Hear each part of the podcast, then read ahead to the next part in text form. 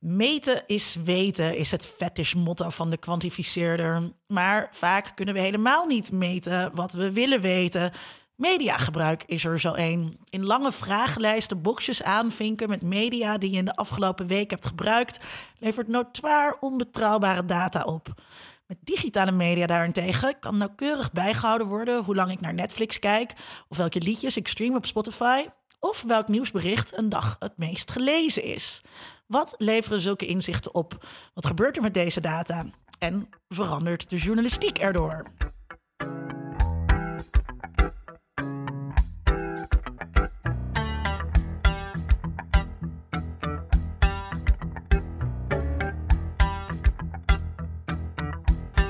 Vanuit Amsterdam is dit Onder Media Doctoren, de podcast waarin communicatiewetenschappers zich verwonderen over de media. Wij van Onder Media Doctoren gaan daarover praten met Thomas Boeschoten. Hij is verantwoordelijk voor de digitale strategie bij het AD. En dat is natuurlijk normaal geen reden om te gast te mogen zijn in Onder Media Doctoren. maar je bent ook onderzoeker binnen de Universiteit Utrecht bij de Utrecht Data School. Is het de U zeg jij dat is Het Dit mag is de allebei. Utrecht Dataschool. De volgens Utrecht mij. Dataschool? En dan ga ik de Utrecht Data School zeggen. Utrecht. Data School. Dus Waar jij je Utrecht goed bij Data voelt. School. Oké, de Utrecht Data School. Eh, naar alles wat met data te maken heeft. Eh, welkom Thomas. Dankjewel. Wat heb je vandaag gemeten? Eh, nou, eigenlijk de, de kieswijzer-resultaten hebben we Oh. gekeken. Ook En? heel fascinerend. Nou ja, kijk, het eerste wat je doet als je over dat soort data nadenkt... is eh, wat mag wel en wat mag niet. Hè? Want eh, daarom is van tevoren gekozen om eigenlijk alleen maar saaie... veralgemeniseer- veralgemeniseerbare data te gebruiken. Dus hoe, wat vinden mensen per provincie en verder dan dat Je moet, er- je eerst even, waar komen de data vandaan? Ja, oh ja, sorry. Ehm, in de aanloop van de provinciale verkiezingen heeft het AD een grote eh kieswijzer gehouden. Eh, die is ingevuld door een miljoen personen, of dus zeg maar ook zeg maar, tot het einde ingevuld. Dus je Mhm. hebt 1 miljoen mensen die jou vertellen wat ze, waar ze over nadenken. En eh, eh, dan wordt eh, in grote lijnen wordt daarvan bijgehouden eh, eh, ja, over welke onderwerpen ze zich zorgen maken. En met welke stellingen ze het eens en oneens zijn. Ehm, en dat wordt dan per provincie je dat uitdraaien. zeg maar. Ja, en daar heb je te maken met privacywetgeving. Ja, bijvoorbeeld. Ja. Ja. Dus dan bijvoorbeeld die, die sites waarop, we dat, waarop die kieswijzer staat, die heeft bijvoorbeeld allerlei cookies en zo uitgeschakeld. Onder het motto dat wij ook niet eens technisch zouden kunnen eh, achterhalen wie jij bent als je dat invult, zeg Ja. maar. Dus, eh, maar het levert wel interessante inzichten op.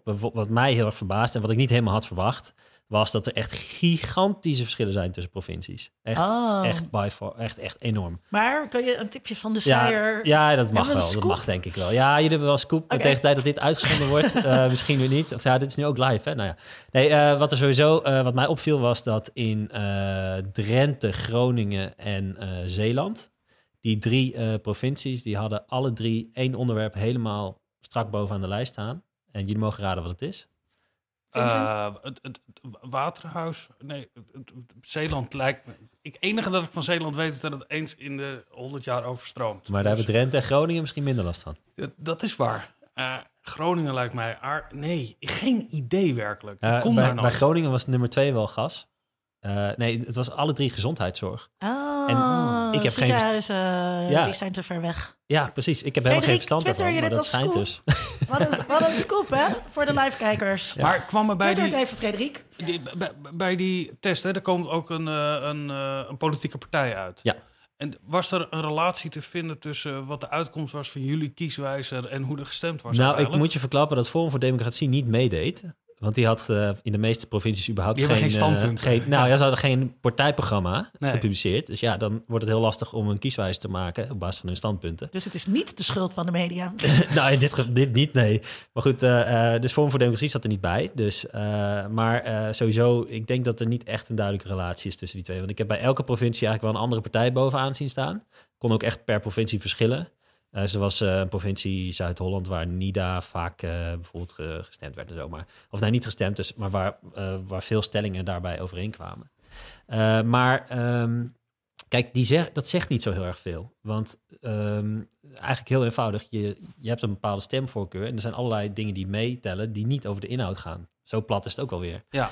Dus het is ook geen, het is geen peiling, hè? Het is meer ja, het is meer een, een, het is een stemhulp, zo is het ook bedoeld. Dus je moet ook niet gaan doen alsof het een peiling is. Ik Maar vind ook elke keer een geruststelling als er een partij uitkomt waar ik van denk, nou, daar kan ik wel mee leven. Misschien zit er een soort, soort hidden rechtsconservatieve man in mij. Ja. Dat vermoedt Linda trouwens al heel lang. Maar, maar deze aflevering gaat niet over peilingen, maar over journalistiek. Waarom Ja. eh, wil het AD deze data hebben? Nou, eh, het is niet zozeer dat, eh, dat wij die data willen hebben, maar we willen heel graag mensen helpen. Dat is de strategie. Dus- ah, wat nobel. ja, dat klinkt heel nobel. Dat Ja, dat trappen ook, wij niet in van onder media Niet? doctoren. Natuurlijk niet. Nou, nee. moet je bij ons op kantoor langskomen. Overal staat hoe kunnen wij eh, onze lezers het beste helpen. Dat is Ja, maar echt, op elke website van, iedere, van ieder bedrijf staat... we hebben een passie om de consument te helpen met kutshit om op te eten. Ja, nee. Daar gaan we, daar gaan we vandaag verder over In een lieftallige bui vandaag. Een- ja, Vincent, wanneer Ja. heb jij voor het laatst iets gemeten?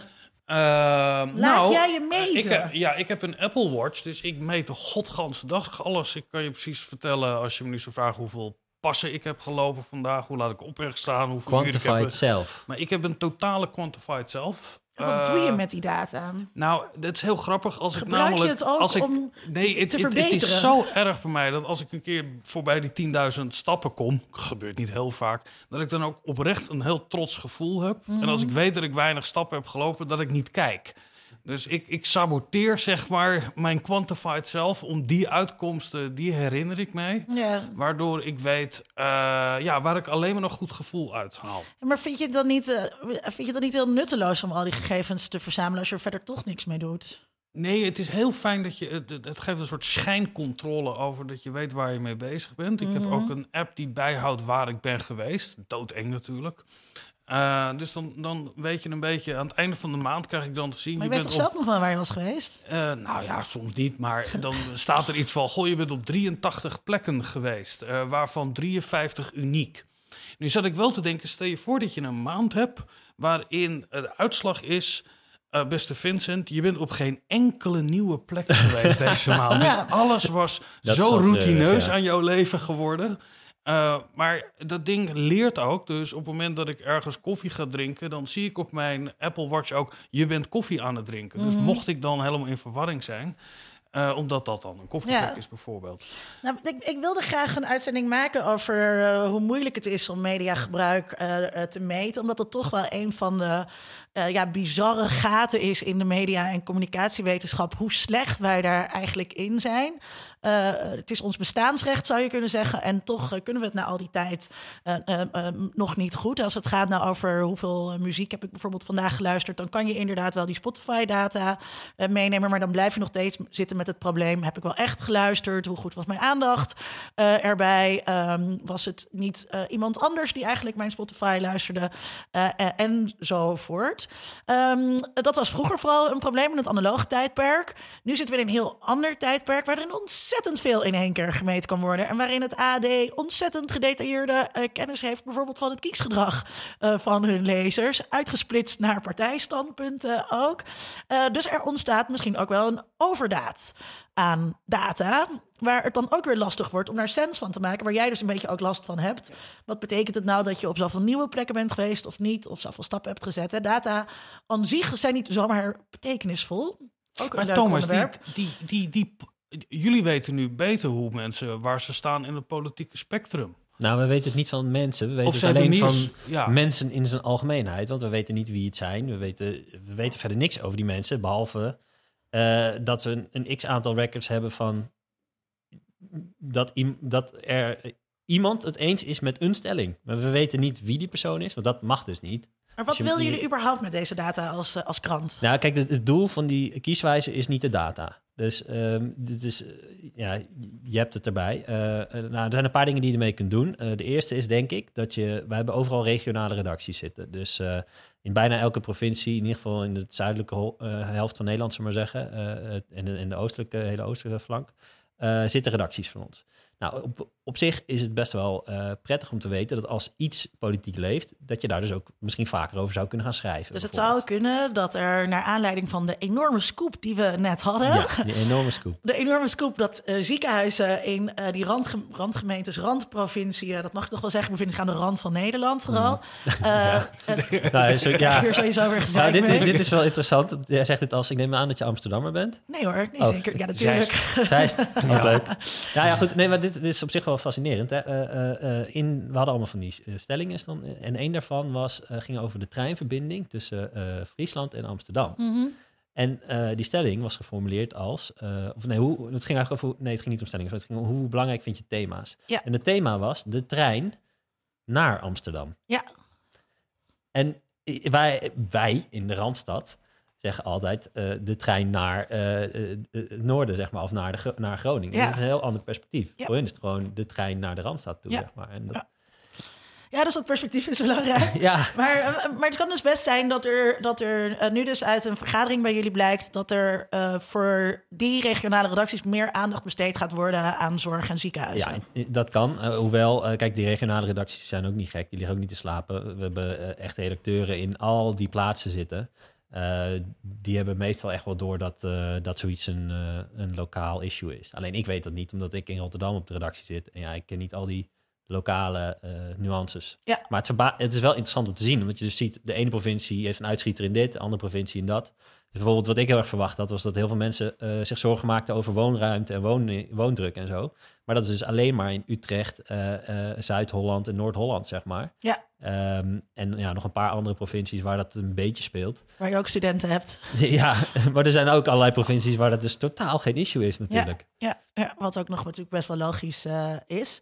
Ehm, kan, je, kan je iets vertellen over wat er allemaal wordt? Of is dat een te grote vraag, wat er allemaal gemeten wordt? Ehm, nou, het is een grote vraag, maar we kunnen wel een beetje op de, Ja, opsplitsen. Laat, laten we beginnen met het de meest voor de hand liggende, Mhm. denk ik. Kliks. Kliks. Oh, Kliks. echt gewoon de, de metric kliks. Ja, Ah, oké. Ja, zo, nou, dat is al vrij specifiek eigenlijk. ja.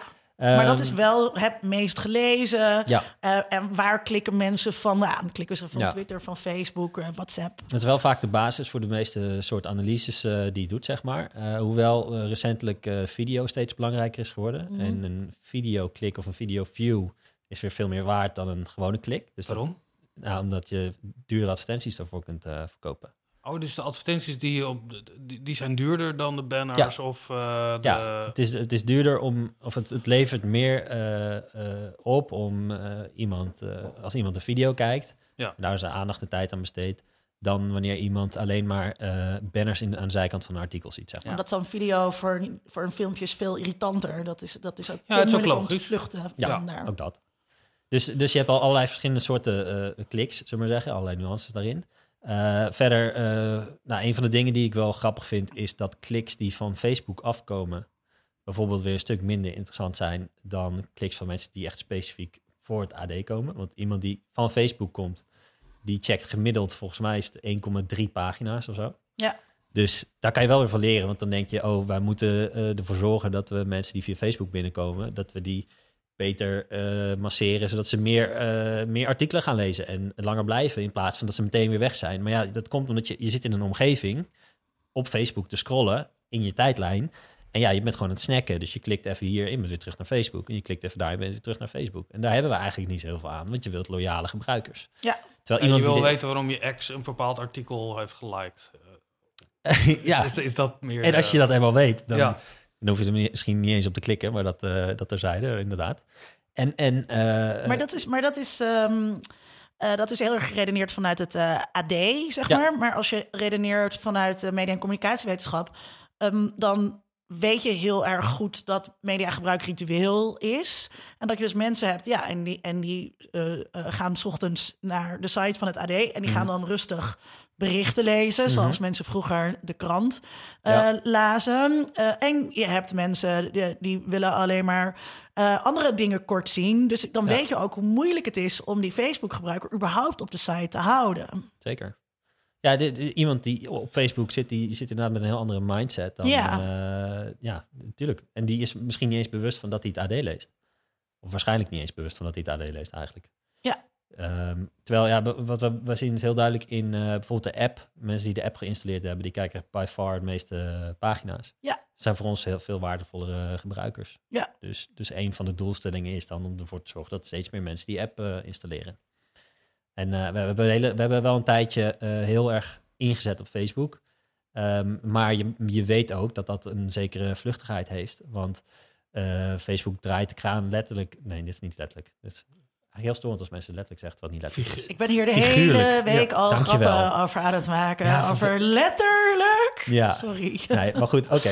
Figuurlijk draaien ze de kraan dan eh, open en dicht. En dat kan gewoon betekenen dat jij je doelstellingen niet haalt. Ja, omdat Ehm, Facebook weer eens besloten heeft dat het niet ja. nieuws, ehm, maar toch kattenfilmpjes de content is die zij willen dat het meest gepusht wordt. Ja, nou ja, kijk, op een gegeven moment zag je ook dat ehm, als je, stel je had vier eh, berichten, vier type berichten op Facebook. Hè? Je zou een, eh, een, een tekstbericht hebben, een foto, een video of, of een linkje. Zeg maar, laten we die vier categorieën nemen. Op een gegeven moment besloot Facebook dat ze eigenlijk de dominante positie van YouTube wel een beetje zat waren. En vooral dat ze zelf zagen dat op hun platform mensen minder tijd gingen besteden. Dus toen dacht Facebook, oké, als wij nou eens de kraan een beetje openzetten voor iedereen die video's uploadt op ons platform, in plaats van embedjes naar YouTube of wat dan ook, nee, gewoon echt uploaden naar ons platform, ehm, dan gaan dan mensen die video's maken worden beloond. Dus die zetten, eh, die zetten het er dan op. Die zien dan, hé, hey, wacht eens even, er zijn een miljoen mensen die hebben mijn videootje gekeken terwijl ik een amateur ben.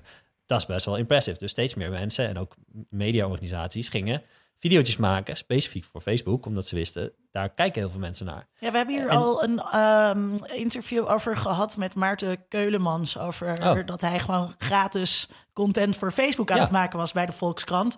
Eh, en eh, het leek erop dat niemand bij de Volkskrant zich echt had gerealiseerd dat het heel leuk is dat heel veel Ja. mensen op Facebook de Volkskrant kijken. Maar dat je daar natuurlijk als krant gewoon echt Je geen levert, rol het aan levert hebt. helemaal niks op. Nee, Nee, en, eh, en de tragiek is ook gewoon, ze, ze leren je eerst om die videootjes voor Facebook First te maken.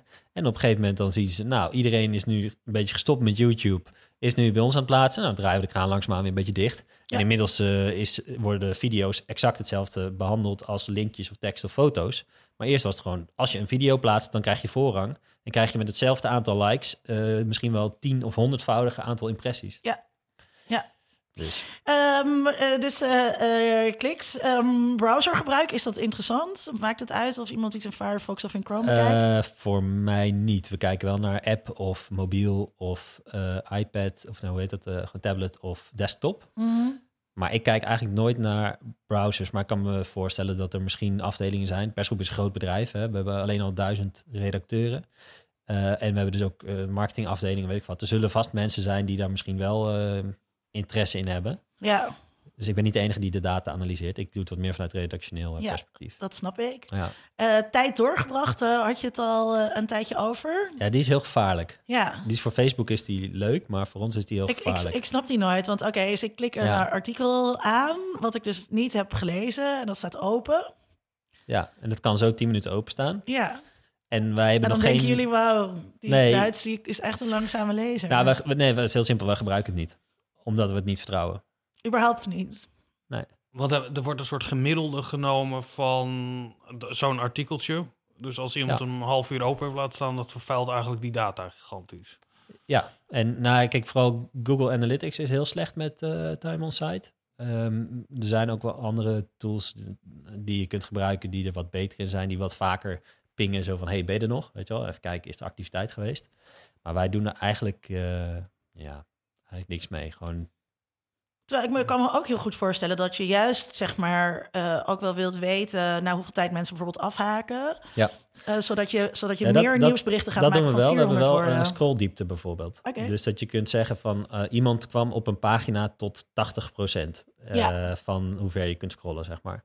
Dus op de home, de, de, de voorpagina van de site, kun je, kun je heel duidelijk zien... oké, zoveel mensen zijn hier afgehaakt. En dat betekent dus ook dat als jouw artikel op een positie staat ergens ja, onderin, zeg maar... dan kun je ook zien, nou, dit, dit, kan, dit stuk heeft dus 70% minder eh, kans bij voorbaat om aangeklikt te worden Ja. ervan uitgaande dat elk artikel een even grote kans heeft zodra die gezien wordt.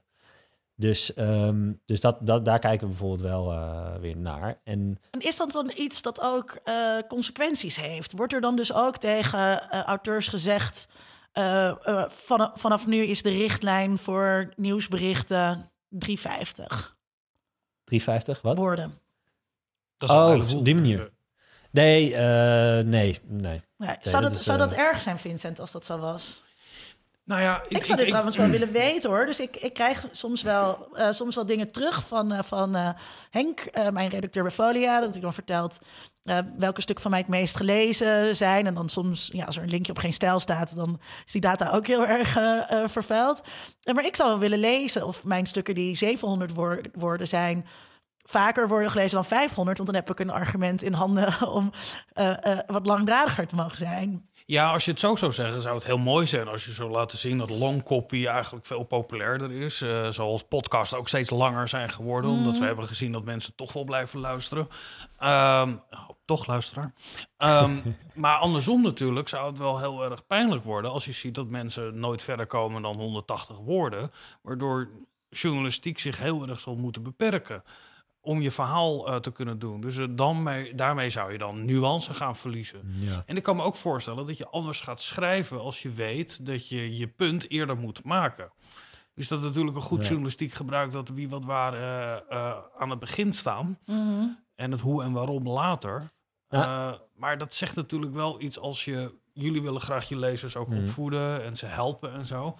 Dan wil je toch ook context bieden. en Klinkt context, er nu wel heel paternalistisch inderdaad, maar Ze eh, willen helpen. zei jij, Thomas. Dat is, Ja. Opvoeden is iets anders. ja, opvoeden is wel echt wat anders. Ze hebben een passie voor het helpen van hun lezers bij het rijker Dat is maken een van van hun de dingen die we, leven. maar we willen ze ook vermaken. Dat Ja. is ook een, iets wat we heel belangrijk vinden. Daarom is, zijn wij een van de weinigen die eh, show eh, vrij prominent erop heeft staan. Nee, maar kijk, met die lengte. Hè, ehm, kijk, ehm, er er zijn allerlei verschillende leesbehoeftes. Dus het kan best zijn dat jij met twee regels geholpen bent... en dat je dat je heel prettig voelt nadat je ja, tien seconden op een pagina hebt gezeten.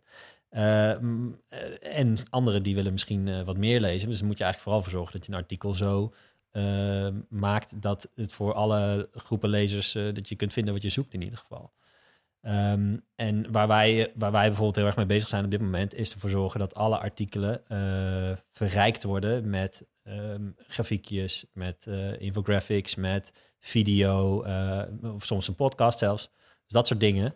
En daarmee bied je denk ik wat, wat extra waarde. En dan gaat automatisch misschien ook wel de leestijd of de, of de tijd dat iemand er doorbrengt omhoog. Maar ja, dat is niet echt specifiek waar we het voor doen. Ja, Dus En de, de, die kliks, hè? Mhm. Hebben jullie een, een soort scorebord op de redactie hangen van... eh, nou ja, ja, vandaag heeft Gerard gewonnen. Hopelijk nou, is- morgen... score, scorebord is eh, zeker niet het goede woord. eh, maar eh, ik ben zo benieuwd wat dan wel het ja, goede ik, woord is. ik want zat er ook is te dus denken, nu moet ik natuurlijk wel een goed, een goed alternatief hebben. Nee, kijk, ehm, eh, wat, we, wat we doen is, eh, we mailen een lijstje rond eh, per redactie. Dus eh, kijk, wij weten ook dat als jij voor de showredactie schrijft, eh, dat er andere... eh, dat je een andere startpositie hebt, zullen we maar zeggen, dan als je voor de politieke redactie schrijft. Dus het slaat helemaal nergens op om dingen te gaan vergelijken of om wedstrijdjes te houden of wat dan ook. Ehm, dus ehm, wat we eigenlijk doen is we kijken wel van wat, zijn goed gelezen verhalen. Uh, maar we kijken ook bijvoorbeeld van wat zijn uh, goed gelezen verhalen waar die bijvoorbeeld weinig converteren of zo. Dus waar weinig mensen voor willen inloggen. Dan weet je, we hebben daar een bereik zitten. Maar met dat bereik kun je meer doen dan alleen maar iemand het laten klikken en weer weg laten gaan. Of we hebben stukken die slecht gelezen worden, maar waarvan we zien dat als mensen het lezen, dat ze er heel blij mee zijn. En die wil je eigenlijk juist weer meer bereik geven. Maar hoe weet je dat dan, of ze er blij mee zijn? Uh, nou, dat merk je bijvoorbeeld aan of mensen bereid zijn om in te loggen na de eerste paar zinnen. Als je sommige stukjes zit achter een betaalmuur. En dat is wel een, een manier om uh, een beetje inzicht te krijgen in wat mensen heel graag willen lezen en wat ze niet heel graag willen lezen. Maar die mensen betalen toch een standaard bedrag of moeten ze inloggen per artikeltje en betalen ze dan per artikel? Nou, er is een, uh, er is een mooi woord voor het. Volgens mij is het de uh, metered paywall, is dat geloof ik. Nou, in ieder geval, het principe waar het op neerkomt is, um, stel jij bent voor het eerst op onze site, dan zeggen we, joh, wat leuk dat je er bent. Jij mag alles gratis lezen. Succes. Ja. Maar als jij dan volgende week uh, elke dag lijkt te zijn teruggekomen, dan zeggen we, goh, wat leuk dat je er elke dag bent. Maar als jij nou even inlogt, dan kunnen we jou veel beter uh, helpen. Uh, om het woord toch maar een keer te gebruiken. En dan vraag je van, nou, oké, log even in. En dan mag je daarna alles nog steeds gratis lezen. En dan op een gegeven moment, dan uh, heb je een tijdje gratis gelezen. En dan zeggen we, nou, onze journalistiek, we hebben duizend mensen die het hele land doorreizen voor jou. Die willen graag een boterham. Dus kan jij niet een klein beetje een digitaal abonnement uh, nemen en betalen. Of wat meer informatie over jezelf geven, zodat de advertenties die we verkopen... Scientology, maar dan... Ja, ja, nou, ja die, die vergelijking is op jouw konto, maar... Uh, een poreuze B-muur, een langs, poreuze betaalmuur. Langzaamaan uh, vragen we je om steeds meer commitment te tonen, zeg maar. Maar dat betekent dus ook dat je van de lezer of de bezoeker van de site... bouw je op individueel niveau, op basis van een cookie neem ik aan, of een IP uh, bouw je een soort dossier op, wat je het leesgedrag van die ene persoon bijhoudt, op basis waarvan je die gradatie van. Ja, je, mag en nou, er zijn allereerst zijn allerlei regels van wat je wel en niet mag op dat vlak. En uh, ik ben daar geen exacte expert in, maar dat zit heel goed dichtgetimmerd bij ons, kan ik wel verklappen. Uh, en dat is juridisch iets, goed dichtgetimmerd of juridisch en ethisch, allebei. Ja. Um, en um, we hebben een, een, zeg maar, we hebben een afdeling voor marketing en uh, dat soort dingen. Die houdt zich bezig met dat soort cijfers. En de redactie in principe niet. Dus uh, dat is echt iets wat niet bij mij gebeurt. Ik, we hebben alleen zo'n soort paywall systeem. Maar je zei wel, op het moment dat je, je mailt een bepaalde redactie, laten we zeggen de showredactie, ja. of en dan kan je laten zien, goh, er is wel veel interesse voor jouw artikel. Ja, maar dat zijn dus verschillende dingen. Hè? Want jij, jij hebt het over, een, over personen.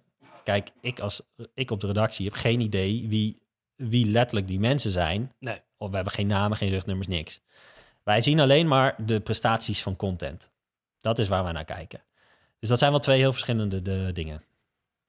Ja, maar sommige content, sommige uh, bijdragers, die mhm. lenen zich beter, zei je. Uh, kan je laten zien dat mensen daar blij van zijn, omdat ze inloggen. Ja, ja dus laten we dat een voorbeeld noemen. Misschien verheldert dat het een beetje. Um, er, er, zijn, er is een rubriek, die heet Van Wieg tot Graf. Nou, prachtige rubriek, gaat over...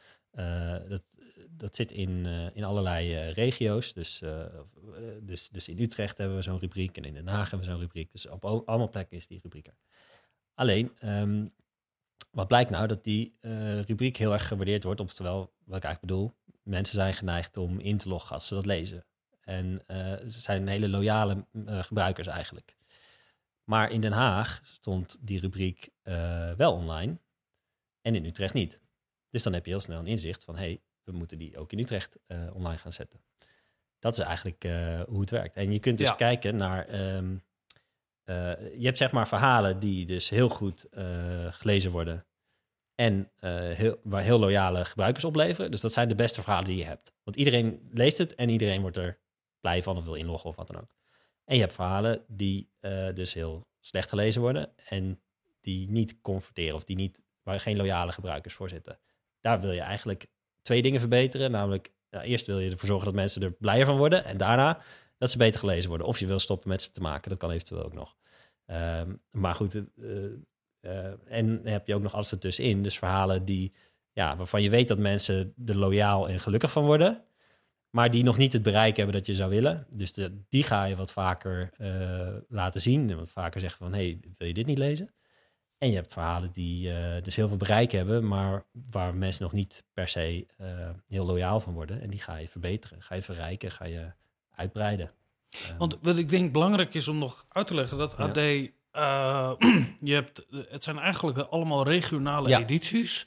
Ja. Uh, is BN de Stem nou ook binnen ja, zeker. En, uh, het laatste nieuws? En, ja. Uh, het laatste nieuws is, is, wel echt gewoon uh, is in België natuurlijk. Dus ja. dat, daar wisselen we relatief weinig Maar omdat jullie de uit. data hebben van al die verschillende titels... Hmm.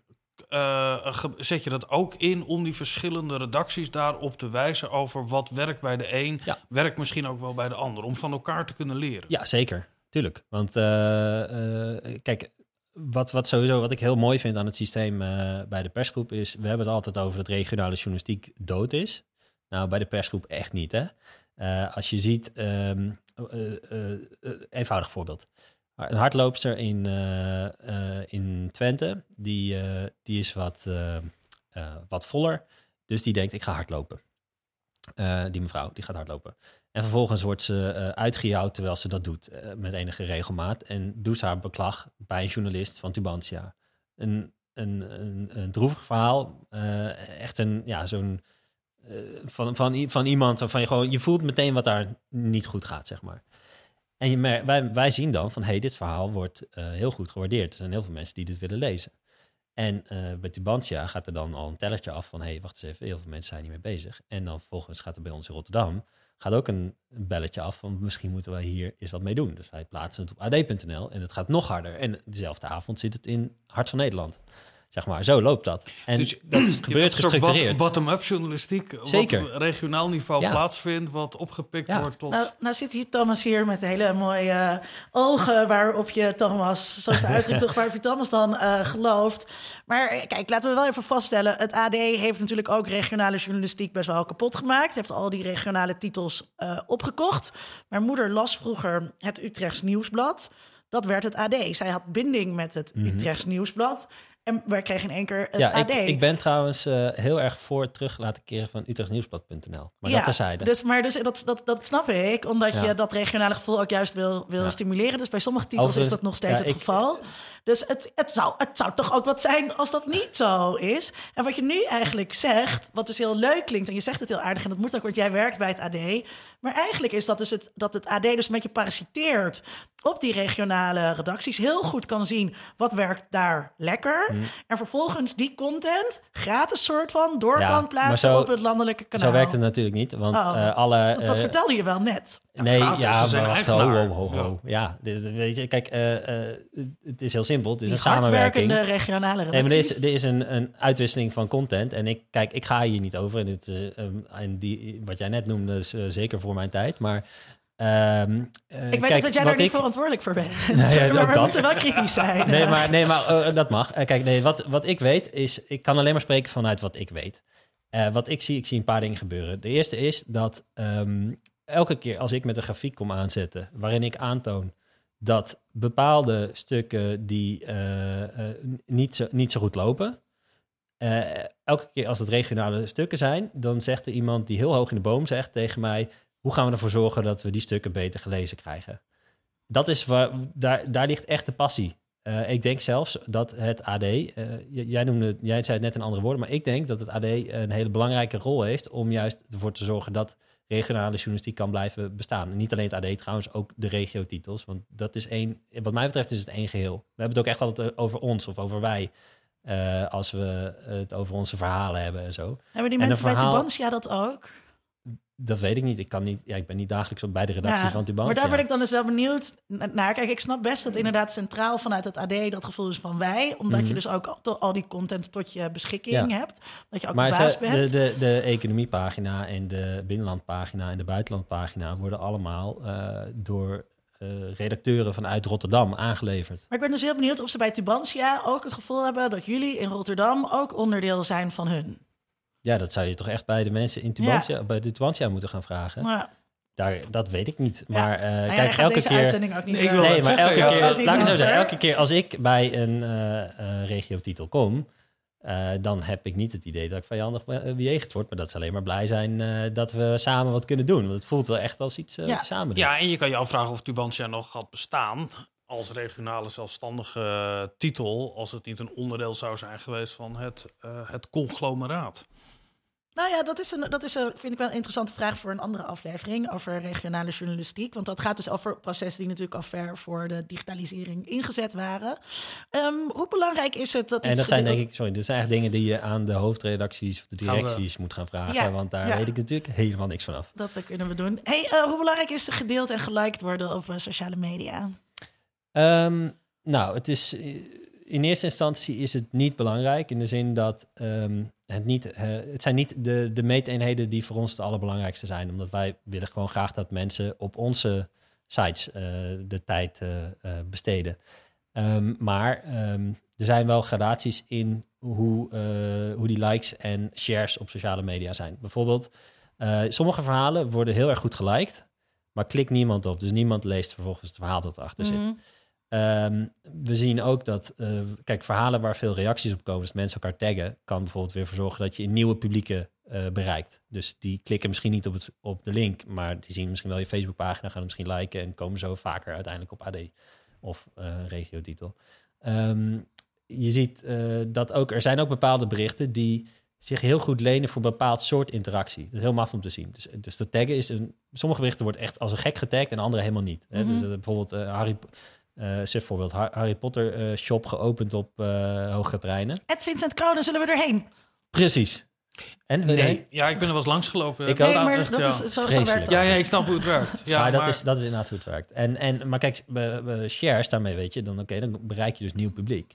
Uh, maar uiteindelijk gaat het er voor ons echt gewoon om dat uh, we mensen naar de context van het AD krijgen, zodat ze een verhaal kunnen lezen, video kunnen kijken. Ja. En uh, ja, dus dat is veel belangrijker dan shares en likes en weet ik veel wat allemaal. Maar uh, zijn jullie blij als er uh, ophef op Twitter is, bijvoorbeeld over een bericht, dat er, zodat er dus nee. veel... Um... Nee, maar sowieso Twitter is echt qua aantallen verwaarloosbaar. In vergelijking met Facebook? Ik heb, ik heb ooit, toen ik net bij de persgroep kwam werken, heb ik gezegd van, joh, we moeten echt veel meer op Twitter inzetten en slimmer en weet ik veel wat. Maar het, eigenlijk gaat het helemaal nergens over. Want het is vergelijkbaar met het bereik van AD. Het, het, stelt gewoon niks voor. Het is, Mhm. mm.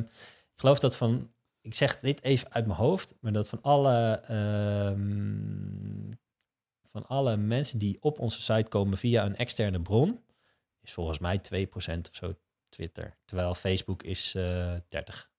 Google en andere mensen 35. Wow, zoveel vanuit Google. Ja, Google, Google is, uh, of search moet ik eigenlijk zeggen. Search is heel ja. groot. Uh, search is heel groot. En, maar dat is ook de Google News uh, Ja. pagina waar mensen dan uh, Ja. op zitten. Dus dat is veel belangrijker voor ons. Ja. Ehm, je kunt eh, spelen met verschillende koppen. Dus je kunt eh, Mhm. eh, een kop net wat eh, sensationeler inzetten. Ja. Soms wat Je gaat niet geloven. rustiger. Wat, En eh, onze redacteuren Frederik en Marijn hadden daarom een gesprek met een eindredacteur die daarvoor verantwoordelijk is.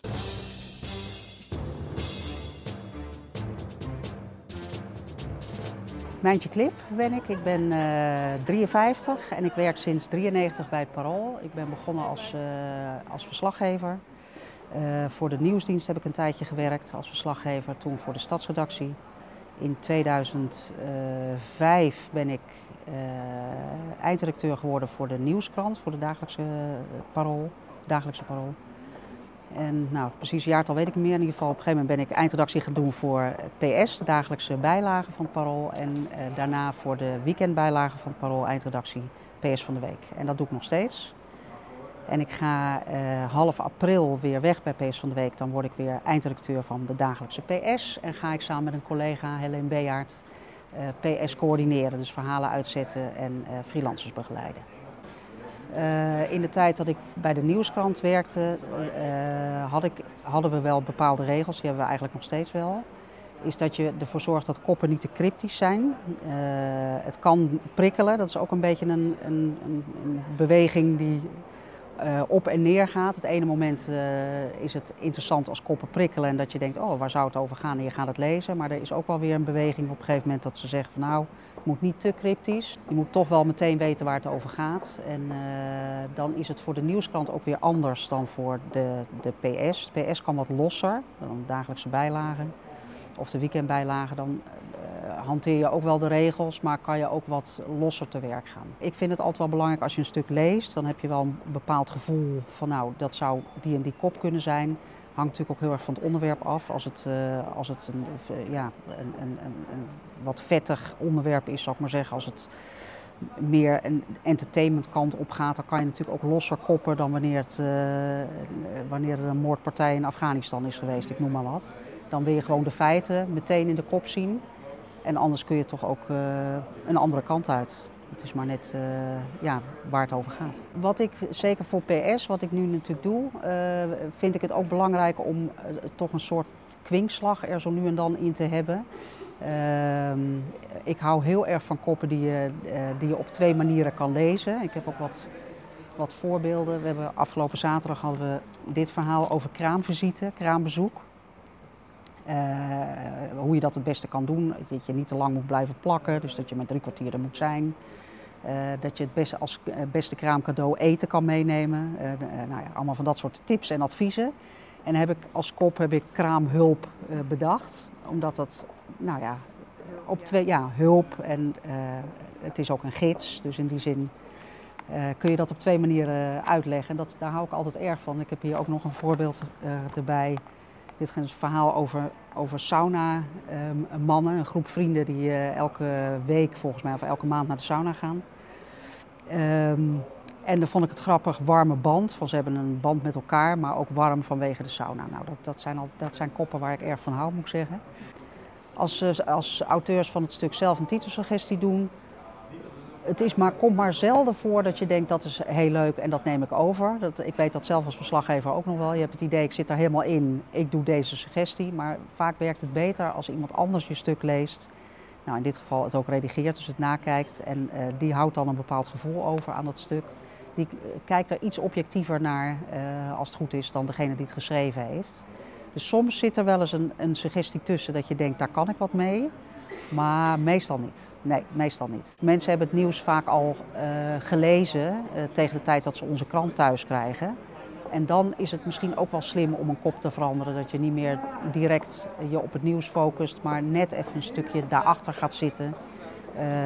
Om het toch nog aantrekkelijk te maken als je, als je de krant leest. Dat je niet denkt, nou dat, dat weet ik al wel. Ik, ik leg hem naast me neer. Er is wel uh, veel verschil, denk ik, tussen de koppen die we drukken en die online komen. Een kop moet altijd kort en krachtig zijn. Maar bij online blijkt dat je eigenlijk best wel in je kop een, een verhaaltje kan vertellen. Omdat dat ervoor zorgt dat uh, uh, mensen die het online bekijken, dat die denken, oh, oh dat is interessant. Ik klik het eens even aan. Het is het, het feit dat, het, dat je het moet aanklikken, dat is ook een, dan een andere manier van, van koppen maken. En dat kan dus langer zijn, bij wijze van spreken, dan een, een kop voor de gedrukte krant. Ja, Mijntje Clip hoorden we van het uh, Parool. Uh, ik Clip moest... en klaar was ze. Uh, ik moest, Wel een persgroepfeestje vandaag, hè? Ik moest, ja. er, ik moest er erg om lachen. Ik uh, geef veel schrijfcursussen aan Promovendi, populair schrijven en koppen zijn altijd uh, uh, een ding. En je hebt dus heel veel mensen die dan dus heel clever ja, een, een, woord, ja, een woordspel zeg maar, in de kop hebben. Um, wat heel leuk is op zo'n pagina in een blad, dan werkt dat ook. Hè? Want ja. zij, uh, zij liet dat zien um, uh, in het filmpje dat erbij hoort. Ja, dan pak je zo'n magazine erbij en dan kraamhulp staat daar ook heel leuk. Uh, maar die, dan zijn die mensen het blad aan het lezen. Terwijl als je aan het concurreren bent in een online omgeving, wat zij ook zegt, dan moet je eigenlijk wat meer van een verhaaltje weggeven in de kop. Um, met technologie kan je daarmee spelen. Je kan, je kan AB uh, tests uit. Mm -hmm. We hebben volgens mij al een keer eerder een item gemaakt over AB-tests in de aflevering over personalisering. Ja. Um, meen ik. Uh, dus dat gaan we niet nog een keer uitleggen wat AB-testing is. Maar misschien kan je vertellen hoe dat gaat met koppen. Bij ons. Oké, okay, nou. jullie. Ja, ja er zijn eigenlijk uh, er zijn een paar dingen die we, die we doen. Uh, de eerste is dat we realiseren dat, het, dat er inderdaad een groot verschil is tussen een kop voor een krant en voor online.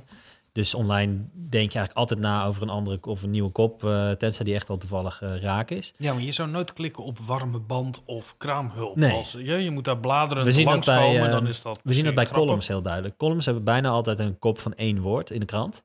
En uh, dat, ja, dat werkt dus gewoon niet. Dat was Oh, ook met mijn. Folia-columns. Die zijn, uh, Ja. toen ze nog op papier verschenen, hebben ze allemaal weet je, dat soort, uh, Eén woord, ja. soort uh, mijntje clipachtige uh, koppen. En nu Folia niet meer op papier verschijnt, um, probeer ik veel meer te denken in, uh, ja, dat, is, dus, het zijn meer zinnen, zeg maar, met het idee, het moet wel de lezer daar warm maken. Het leuke is dus dat je, dat je kunt kiezen. Hè? Want ik bedoel, je kunt in de krant gewoon één woord gebruiken waar het kan en waar het mooi is uh, en passend is. En digitaal kun je dus voor een andere, kan andere koers gaan.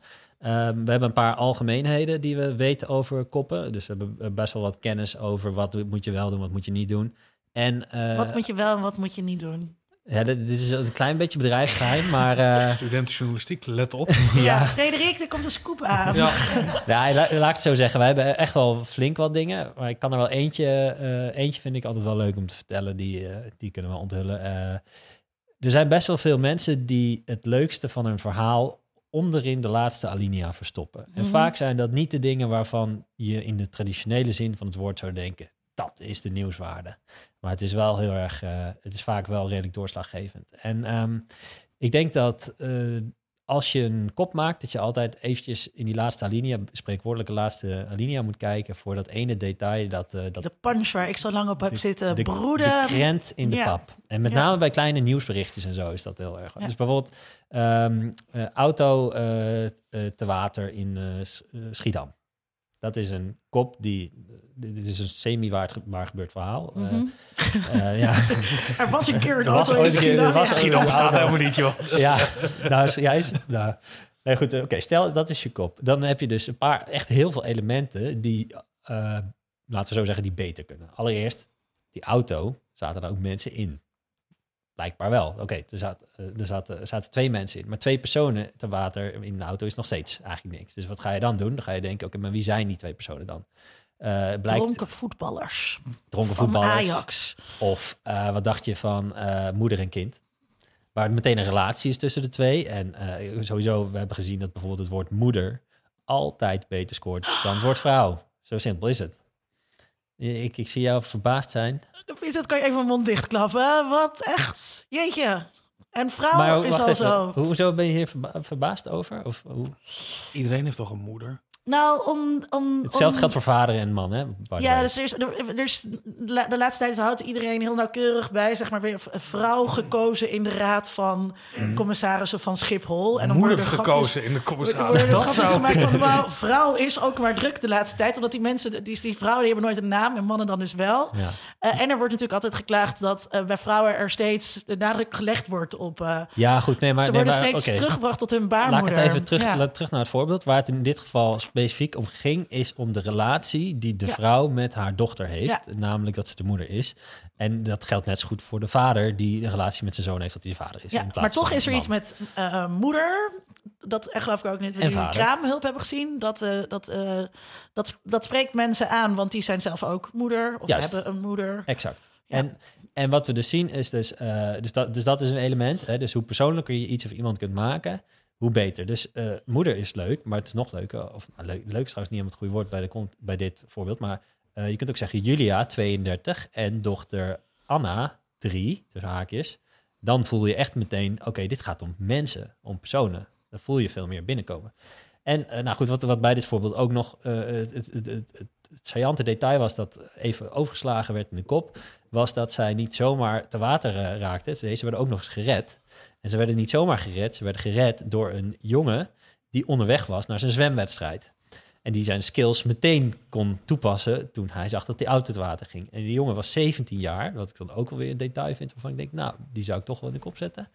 En nadat die, die moeder en dochter uit de auto heeft gered, heeft hij ook nog eens die zwemwedstrijd gedaan. En is die tweede geworden, omdat hij geen energie meer had om eerste te worden. Weet je wel? Nou, Oh. dit... Ik vind het gewoon een Alex van. Warmerdam scenario. Eh, Weet je je ziet gelijk die Ik ken deze referentie niet, maar... En Alex Warmerdam, de filmmaker, weet je wel, dat is zo'n dijkje waar een auto in. Dat is een beetje zo'n tragicomische omgeving waarin de jongen dan zijn zwembed zijn. Je, het, het, het, het roept wel gelijk verbeelding op. Juist. Ja. Dus dit is zoveel beter dan auto te water in Schiedam. Ja. En in de kliks ga je, we hebben het dan nu even over kliks, maar dat ga je echt in tienvoudige, honderdvoudige merken. Want op het, en dat is nog wel trouwens een uitdaging. Stel, iemand heeft zo'n, eh, heeft een artikel geschreven en er staat die, die kop eh, boven die niet goed is. Dan is, de, is er een risico dat wij eh, überhaupt niet ontdekken dat dat stuk bestaat. En dus dat we het ook nooit een groter podium kunnen geven. En dat is een gemiste, dat is een gemiste kans. Dus het Ja. liefst wil je dat mensen meteen een goede kop bedenken.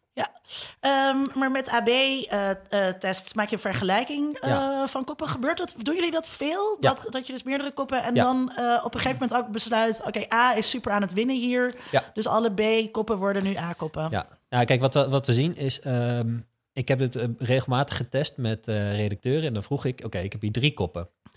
En dan, zei, eh, dan vroeg ik Had wel... jij die dan bedacht? eh, nee, die hebben we dan daadwerkelijk getest. Maar, maar wie brengt dan die kop? Is dat, doe je dat dan samen met de eindredacteur? Eh, ja, eindredacteur verzint de koppen en we hebben een presentator. Dat is iemand die de hele dag bepaalt welk stuk op welke positie eh, staat. En die test ook de koppen, zeg maar. ja. En dat heet een presentator. Ja, we noemen dat een presentatorrol, heet dat bij ons. Dus die presenteert de site. Oh, wat Die zorgt voor de presentatie Oh, dat van de site. ja. Mooi, mooie titel. Ja. ja.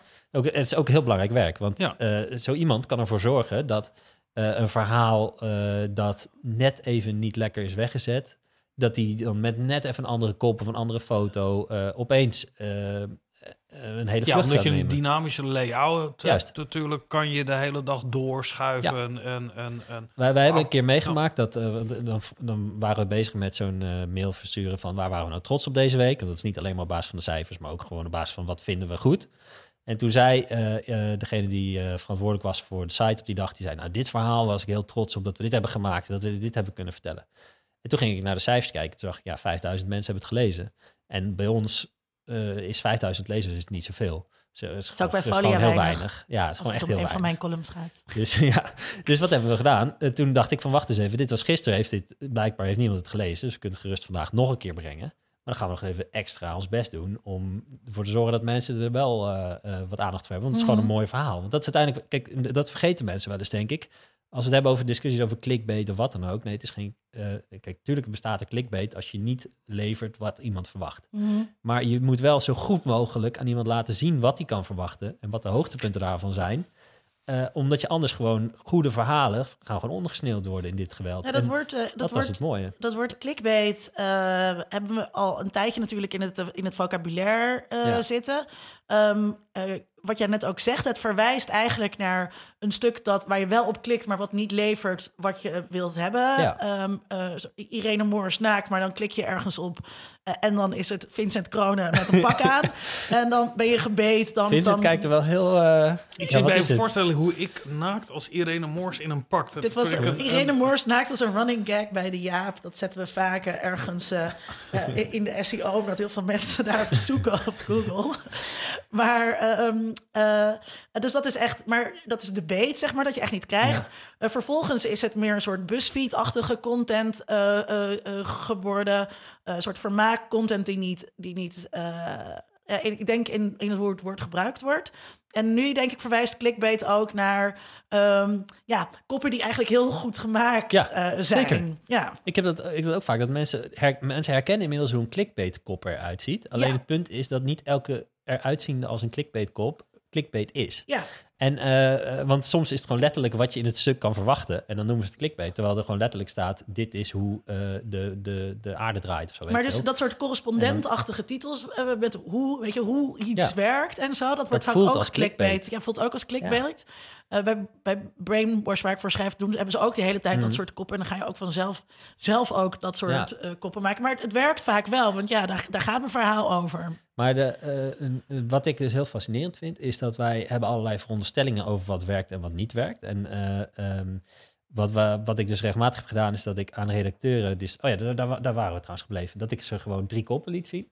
En ze zitten er elke keer naast. Ze Ja. hebben nooit, de, nou nooit is niet overdreven, maar ze hebben heel vaak niet de winnende kop. En, eh, Heeft dat dan te maken met die afstand waar Mijntje Clip het ook over had? Dat je als auteur van het stuk te weinig afstand hebt? Of Eh, misschien nee, weinig want dat, hoeft, dat, hoeft, een- hoeft niet eens de auteur zelf te zijn. Je kunt gewoon aan willekeurig iemand laten zien van... oké, dit zijn vier koppen, welke denk je dat er wint? Ja, En, maar het hele punt is niet dat wij... eh, wij zijn niet allemaal stukkels, maar we moeten ons gewoon realiseren... dat de beste manier om erachter te komen wat de beste kop is... is door het gewoon te meten. Zo simpel is het. ja. En eh, ja, dus, dus je kunt twintig jaar ervaring hebben... maar soms kan je er nog steeds heel erg naast zitten. maar dan Ja, moet je ook wel een beetje ehm, eh, voldoende... Je moet meer bagage hebben dan alleen maar eh, technische... Mhm. om vervolgens ook te kunnen zien... wat is het nou in deze kop... of wat zou het kunnen zijn in deze kop... dat mensen daar meer op klikken. Ja. Ja, en daarvoor hebben ze jou. Ja, precies. Ja, dus dat je ook, dat je ook meer inhoudelijke kennis hebt. Ja, Ja. ja. dus eh, dat kan zowel gaan over onderwerpen. Dus welke onderwerpen moet je in de kop zetten? Wel, welke personen of eh, ehm, met welke soort van invalshoek of wat dan ook. Maar kijk, we hebben ook wel... Er is ook wel... ehm, Maar volgens mij Je- weet jij nog meer over hoe koppen werken. Dus het Ja. gaat niet alleen over goh, maar ik heb eh, ook iets genoemd te over eh, bedrijfsgeheimen en zo. Ja, Ja, dus, maar dat- dus we maar- zijn natuurlijk geen journalistieke productie. We hoeven hem niet de bedrijfsgeheimen te ontfutselen. Maar ik nou Nee, ik benieuwd overdrijf naar nu wel een ben- beetje hoor. Maar er Maar zijn... waar ik benieuwd naar ben, wisten jullie dat van dat moeder bijvoorbeeld, wisten jullie dat al voordat jullie zo digitaal aan de slag gingen? Was dit altijd al, stond dit altijd op de lijst, zeg maar, van wat werkt in een kop? Niet dat ik weet, maar misschien... eh, kijk, ik praat niet met iedereen die Mhm. bij de krant werkt dagelijks. Dus het zou best kunnen... Kijk, zij zullen ook bepaalde richtlijnen hebben. Alleen, ehm, ja, het is iets minder eenvoudig... om dat bij elk artikel los te, eh, in kaart te brengen. Dus eh, ik weet niet, ik kan, kan me ook voorstellen dat mensen eh, vanuit een soort gewoonte op een gegeven moment bepaalde veronderstellingen hebben over wat werkt en wat niet werkt. Ja. Eh, maar ik weet niet. eh, Laat je ook wel gegevens weg in een kop eh, om het Ehm, aantrekkelijk te houden. Laat ik een voorbeeld nou- geven. Ik, ik klikte later op mijn kop. Een meisje bevalt na een maand eh, voor een tweede keer van een tweeling. Vond ik een hele interessante kop. ja, Voel ik me ik. toch een beetje bekocht dat het in India is. Ik weet niet waarom, maar eh, dat, dat Ja. heb ik wel vaker bij AD, Telegraaf. Eh, dat er dan toch spannend nieuws is, maar dat blijkt dan een of andere Ja. Ergens ver weg te zijn. Nee, wat, nee, de informatie die je weglaat is eerder eh, woorden die jij en ik ook niet begrijpen. Dat je een woord ziet staan dat je denkt, wat is dit überhaupt? Weet je wel? En ja, dat moet je gewoon in de kop zetten. Dan moet je een omschrijving daarvoor vinden of zo. Dat soort dingen. Dat schrikt af. En de retorische vraag. Mm, ja, dat ja, Ja. kan, maar... Moeten wat? Wat krantenlezers verbieden om op Forum te stemmen? Ja, nee. dat soort eh, eh, neemt racisme toe in Nederland. Eh, nou, als het artikel antwoord geeft op die vraag, dan vind ik dat dat moet kunnen. Ja, nou ja, dan wel. ja. Overigens- jij daar misschien wat van, in algemene zin Nou ja, werkt ik- dat slechter ik- ik- nou, trouwens dan zeggen... dit is hoe het zit met racisme. Dat werkt vaak beter, volgens mij.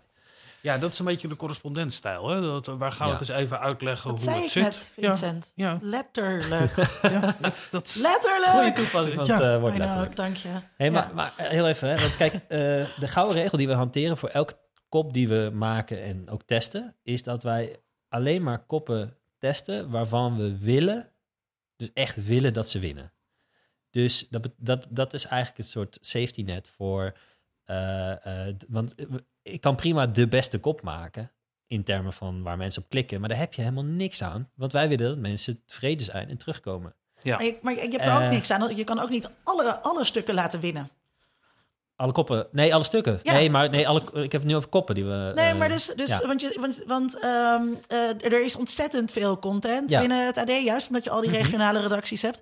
Je kan ook niet alle, alle stukken het heel erg goed laten doen met koppen. Nee, maar we kunnen er wel voor zorgen dat als het aanbod zo goed is, dat jij na een half uur nog een keer terugkomt. Eh, of dat als jij op de, onze voorpagina zit en je klikt op een stuk, dat je in je ooghoek al een ander stuk hebt gezien wat je eigenlijk ook wilde lezen. Dat ik langer blijf hangen. En dan kom je weer terug naar de voorpagina en dan lees je dat andere stuk misschien ook. Dus het is tot op zekere hoogte cannibalisme als je het alleen maar bij één artikel zou doen. Maar als je hele voorpagina vol staat met hele goede eh, aantrekkelijke stukken, Mhm. dan ziet de wereld er weer heel anders Ja. uit. We hebben het nu eh, een tijdje over die koppen eh, gehad. We weten al best wel goed wat er allemaal gemeten wordt bij jullie. Ehm, worden, welke, welke journalistieke overwegingen worden er nou genomen op basis van dit soort lezersonderzoek? Ik bedoel, iedereen, iedereen heeft het altijd over Angela de Jong. Dat is denk ik wel een bekend voorbeeld. Dat, eh ja, nu hoef niet onder stoelen of banken te steken. Dat, dat Het hoogtepunt is van de mediajournalistiek in Nederland. Precies. Eh, en dat eh, zij eigenlijk helemaal niet zo populair was binnen de krant. En dat ze toen heel goed gelezen werd en daarom wel populair werd. Ik zou niet weten of zij wel of niet populair is binnen de krant. Maar wat ik zie is dat mensen haar heel erg eh, waarderen. Maar goed, dat is. eh, eh, en ik waardeer haar ook enorm. En, en wat je. Wat je Waarom lach je? ja, maar, nee, maar kijk, nee, maar even. Ik denk dat. Eh, en ik, ik denk niet dat dit. eh, ik moet lachen omdat je dat natuurlijk ook, een beetje moet, ook een beetje moet zeggen. Nee, helemaal niet. Kijk, eh, ik denk dat... eh, ehm, ik, ik ga natuurlijk niet over eh, de column van Angela de Jong. Maar wat ik wel zie, is dat zij als, echt als geen ander kan verwoorden... hoe mensen naar televisie zitten te kijken. En dat is een vaardigheid, ik geef je te doen. Ik vind dat echt heel knap. En wat wij, wat wij zien is dat ehm, haar verhalen ook zeer gewaardeerd worden door de lezers. Er is ehm, niemand wiens verhalen tot zoveel logins eh, eh, zorgen als bij Angela de Jong. Van de hele krant. Ja. Ja, dus... Dat is eh, toch een enorm succes als je dat voor elkaar krijgt voor eigenlijk een genre wat een beetje uit was. Hè? Het televisie-recensie-genre. oh, zeker, zeker. Eh, ja. Bestond bij heel veel dagbladen eigenlijk niet meer. Of werd een soort beschouwing, eh, of dat werd een soort estafette Ja. dingetje waar iedereen moest nog. Het is een doen. enorm succes, maar het Ja. is ook een enorm succes als geen stijl een seksfilmpje van Patricia Pai plaatst. Maar dat maakt nog Ja. niet dat ik blij ben met dat zulke content op het internet is. Nee, maar goed, dit is een kwestie Ja, van ik wel smaak. van een bedoel, andere, eh, van een andere soort hoor. En, Ja, En- maar dat, is, dat is natuurlijk wel iets, dat is zeker is Maar- dat een, een en- kwestie van En eh, Linda, van jij, bent hier smaak. als, jij zit hier als mediawetenschapper. Eh, maar eh, we hebben het hier over een columnist voor een krant. En volgens mij eh, zien we hier een voorbeeld van iemand die daar heel erg goed in is. Ik denk dat zij inderdaad heel goed is in exact doen wat jij, wat jij zegt. Dus verwoorden hoe eh ehm, bepaald type Nederlanders televisie kijkt. En, die- en die groep is met heel veel. Ja, ja. Toch zeg je het met enig eh ja weerstand. omdat, omdat voor... ehm, kijk, dat vind ik als mediawetenschapper interessant. Als lezer of als ehm, eh, groot fan van televisie kijken...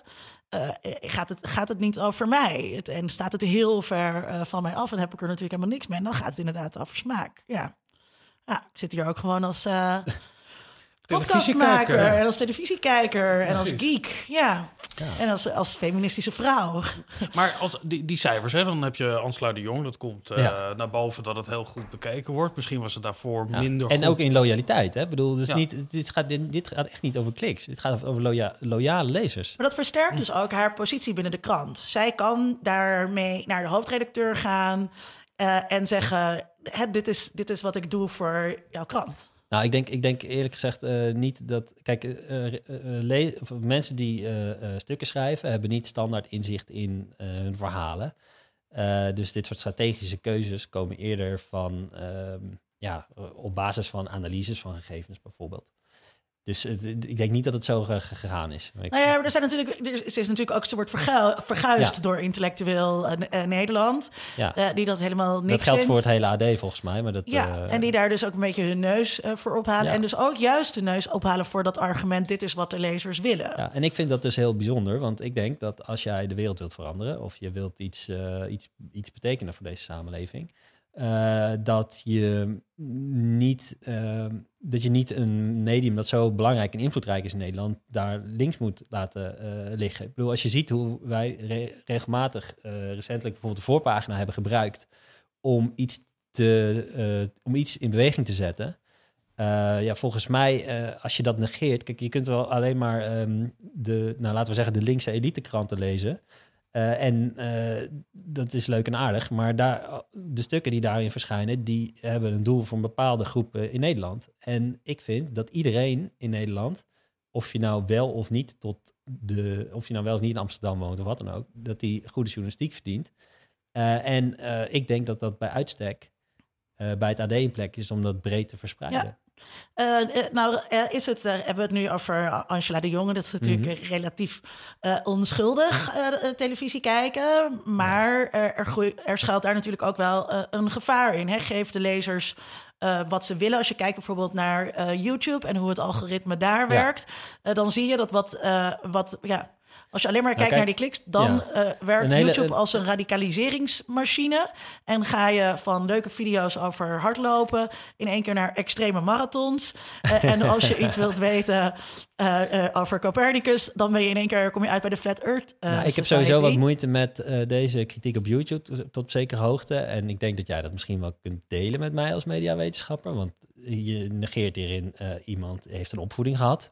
Iemand is naar school geweest. Iemand heeft een sociale omgeving waarin hij zich begeeft. Thomas het is is goed niet zo- hè? Het schijnt. eh, eh, eh, het is niet zo alsof jij in een vacuüm je op YouTube begeeft. En alsof dat het enige medium is dat je zou kunnen gebruiken. Dus je moet al op zijn minst enige vorm van vatbaarheid hebben. Wil je eh, meegaan in deze, eh, in deze, nou ja, in deze eh, deelpubliek? Zeker, zeker. En kijkers zijn geen sponsjes. Maar ehm, voor YouTube, vanuit Mhm. het bedrijf gere- geredeneerd. Wat zij natuurlijk willen is dat mensen zo lang mogelijk op YouTube blijven. Ja. Daar zo lang mogelijk filmpjes kijken. Uiteraard. En hun algoritme is daarop afgestemd. Ja. Zij hadden ook niet bedacht dat dat een radicaliseringsalgoritme Nee. zou gaan worden.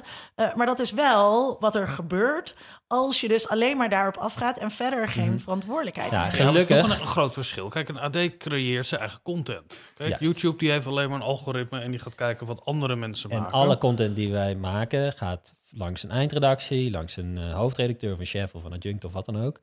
En ehm, daar, daar zit altijd iemand die bepaalt dat wij dit plaatsen, ja of nee. Ja. En misschien op nuances zit je wat meer in onderwerp X of Y dan voorheen.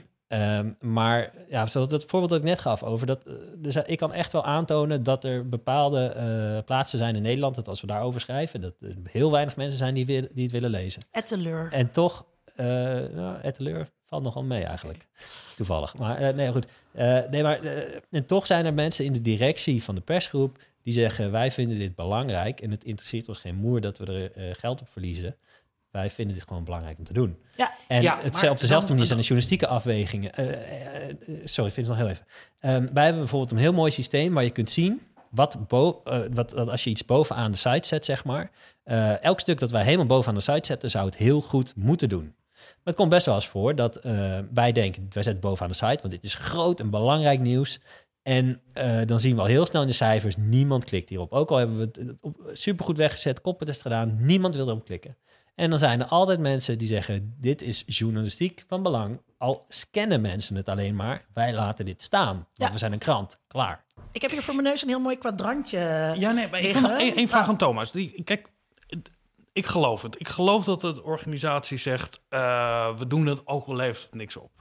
Maar als er nou een journalist is die in de regio werkt of wat dan ook... en heeft al een paar keer heeft hij het tot voorpagina gered van, eh, van het grote AD. En iemand bij het AD in Rotterdam, die het wil steeds niet werken. Ehm, weten de journalisten Wist, ik ga het voor je invullen, ik weet niet of het waar is. Ik denk dat die journalisten onderling best wel weten hoe ze scoren. Net als televisiemakers, s ochtends vroeg naar de kijkcijfers kijken. Zal er echt wel iets aanwezig zijn waarin je op een gegeven moment... Ik weet niet of het zo is, maar over een paar jaar toch een functioneringsgesprek gaat hebben als journalist. Van, ja, je schrijft een mooie verhalen, maar er is geen behoefte aan. En het is toch een beetje krap.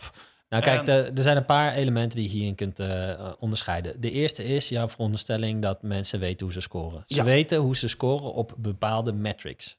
Daarmee bedoel ik, je hebt grofweg een idee dat er heel veel mensen op geklikt hebben. Maar, je, eh, maar er zijn, wat veel minder eh, voor de hand ligt is en veel minder duidelijk is, is bijvoorbeeld die loyaliteit. Hè? Dus hoe loyaal zijn mensen voor een stuk? Daar hebben mensen veel minder een beeld van. En daar zijn ook misschien wel veel minder, dat is minder opvallend.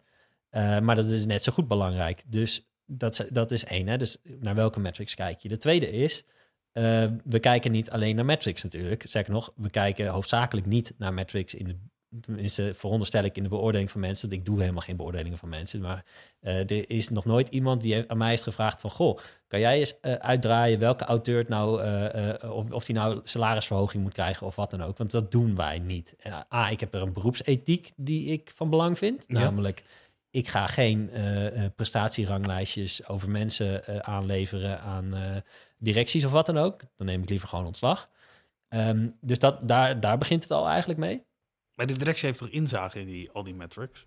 Maar die snappen niet hoe dat nee, werkt ook. Nee, alleen als ik het ze laat zien. Oké. Okay. Dus ja, en, en voor zover we dingen laten zien of inzichtelijk maken, gaat daar, wordt daar gelukkig heel genuanceerd mee omgegaan. En met de juiste context van, goh, uh, we zien dat dit het goed doet, maar dat heeft wel te maken met dat X, Y, Z of, of wat dan ook. Dus er zijn best wel wat uh, nuances.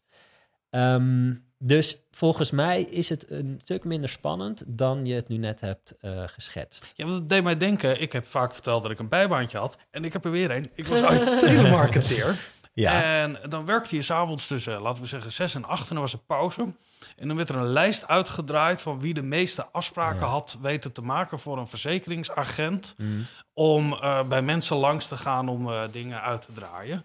En aan het eind van de dag had je de top drie en die kregen een of andere bonus. Maar ja. je, je, zei ook, uh, je, zei, je gebruikte net het woord, uh, uh, als, zelfs als het niks oplevert. En toen had je het heel erg over kliks. Ja. Terwijl um, wat Thomas uitlegt is, um, kliks zijn een manier om te kijken naar hoe kunnen we dingen onder het oog brengen, hoe, wat dingen niet. En uiteindelijk is het het AD als krant te doen om eh, eh, zoveel mogelijk abonnees eh, te hebben, betalende abonnees te hebben en zoveel mogelijk advertenties te, te verkopen. En als er heel erg veel mensen klikken op een, op een stuk Irene Moors naakt, dan heeft het AD daar verder weinig aan als dat gratis content is geweest. Ja, maar dat, datzelfde Terwijl argument door er- de publieke omroep gebruikt. Die zegt van ja, we willen natuurlijk een mooi palet hebben. We willen uiteindelijk dat mensen zich verbonden voelen met de ideologi- ideologische stroming BNN-Vara, whatever that may be. Eh, dus die, die, die idealen van kwaliteit zitten zelfs dat- in zo'n dat- publiek systeem. Nee, maar in het publieke systeem. En toch gaat het daar uiteindelijk ook gewoon over hoeveel mensen er kijken. Nee, juist daar gaat het over hoeveel mensen er kijken. Want voor de rest eh, is, er, is er niks. We zitten nu eigenlijk ook heel erg, denk ik, aan de platte kant van het spectrum van wat je met data kunt doen.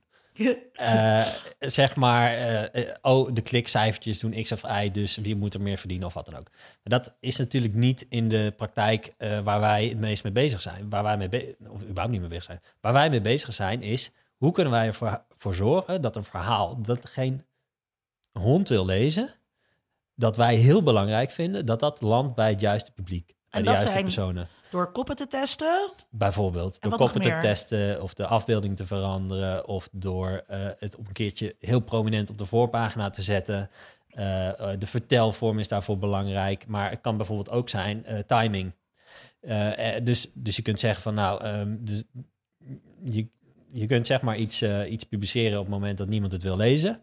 Je kunt ook een tijdje op de plank laten, leggen, laten liggen en het dan publiceren op het moment dat eh, er een soort nationaal, een, een grote, grote aandachtscurve is voor dit onderwerp. Ja. Dat kan je bijvoorbeeld ook doen. En uiteindelijk leidt dat ertoe dat de beste verhalen die je hebt, dat die, eh, eh, dat die ook daadwerkelijk gelezen worden. Want er is een echt een groot verschil tussen goede verhalen en goed gelezen verhalen. Ja. Dat is echt niet per se hetzelfde.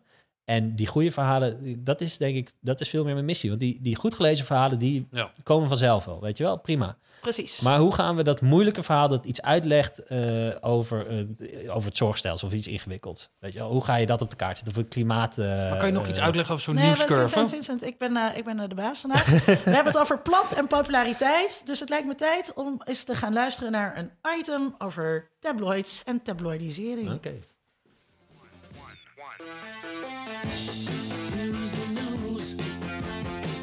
Nieuws over beroemdheden, roddels en schandalen. Je leest het allemaal in de beruchte Britse boulevardbladen. Deze staan beter bekend als de tabloids. De Britse tabloids bestaan sinds de vroege 20e eeuw. Vanaf 1903 kon je op elke straathoek in Engeland een editie van de Daily Mirror kopen. De verkoopcijfers van dit dagblad stegen in de daaropvolgende jaren flink. Zo werd al in 1909 de mijlpaal van 1 miljoen stuks per dag gehaald. Bladen als de Daily Mirror, maar later ook The Sun en de Daily Star, waren erg interessant voor een breed publiek. Hoe kwam het nou dat kranten als dit ineens zo populair werden? Allereerst was de omvang simpelweg praktisch. De tabloids waren qua grootte de helft van de gemiddelde krant. Dit is overigens sinds 2005 ook de standaard voor praktisch alle dagbladen in Nederland. Nu zijn kranten vandaag de dag door de omvang al minder handzaam dan bijvoorbeeld een tijdschrift. Ze waren vroeger dus nog twee keer zo groot. Wat de tabloids ook heel goed deden, was wat erin stond. Waar de meeste kranten erg informatief waren met zoveel mogelijk inhoud, was dat bij de tabloids wel anders. Deze stonden vol met misdaadsverhalen, persoonlijke verhalen, roddels, sport, schandalen, verhalen over beroemdheden en een vaste strip- en puzzelpagina. Ook in Nederland kennen wij tabloidachtige boulevardbladen.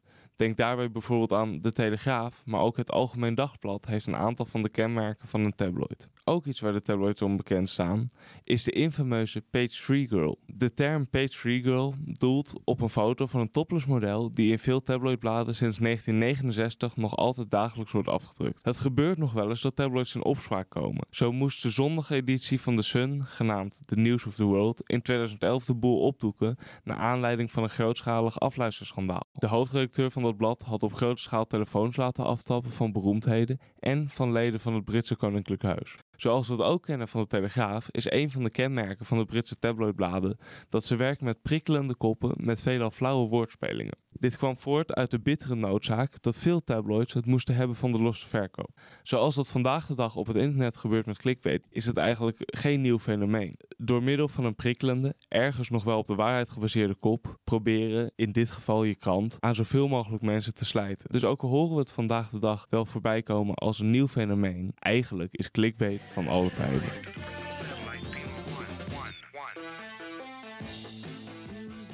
item gemaakt door Marijn Joop. Thomas, wat je eigenlijk zegt is dat ehm, wat jullie eh, proberen te doen is door eh, die data eh, in te zetten om eigenlijk dit te voorkomen. Om Ja. juist te zorgen dat je niet die simplistische headlines hebt, niet het populistische, de content, maar juist ehm, leeswaardige, belangrijke berichten die anders ondergesneeuwd zouden worden, om die naar voren te halen. En dat is waarom ik protesteer zodra ik zie dat eh, het AD een tabloid wordt genoemd ja, eigenlijk. dat zag ik wel dat je dat zie, deed. ja. zie maar eens. eh, eh, ik bedoel, dat is het hele punt. Wij, wij zorgen ervoor dat de stukken die van nature veel lezers hebben, dat die er uiteindelijk toe leiden dat de stukken die minder lezers hebben, beter gelezen worden. Ja. En dat is uiteindelijk het doel. Dus, dus ehm, eh, je gebruikt een wat populaire rubriek om eh, mensen naar je toe te halen in de hoop dat ze blijven. En dat ze ook nog wat meepikken over de Brexit of wat dan ook. Toen wij, eh, ik denk twee jaar geleden, een voorpagina geheel aan de Brexit wijden. Mhm. Dat was echt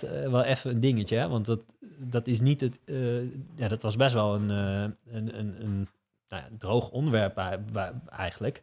En in het, bij het AD was er nog heel weinig überhaupt over Brexit geschreven.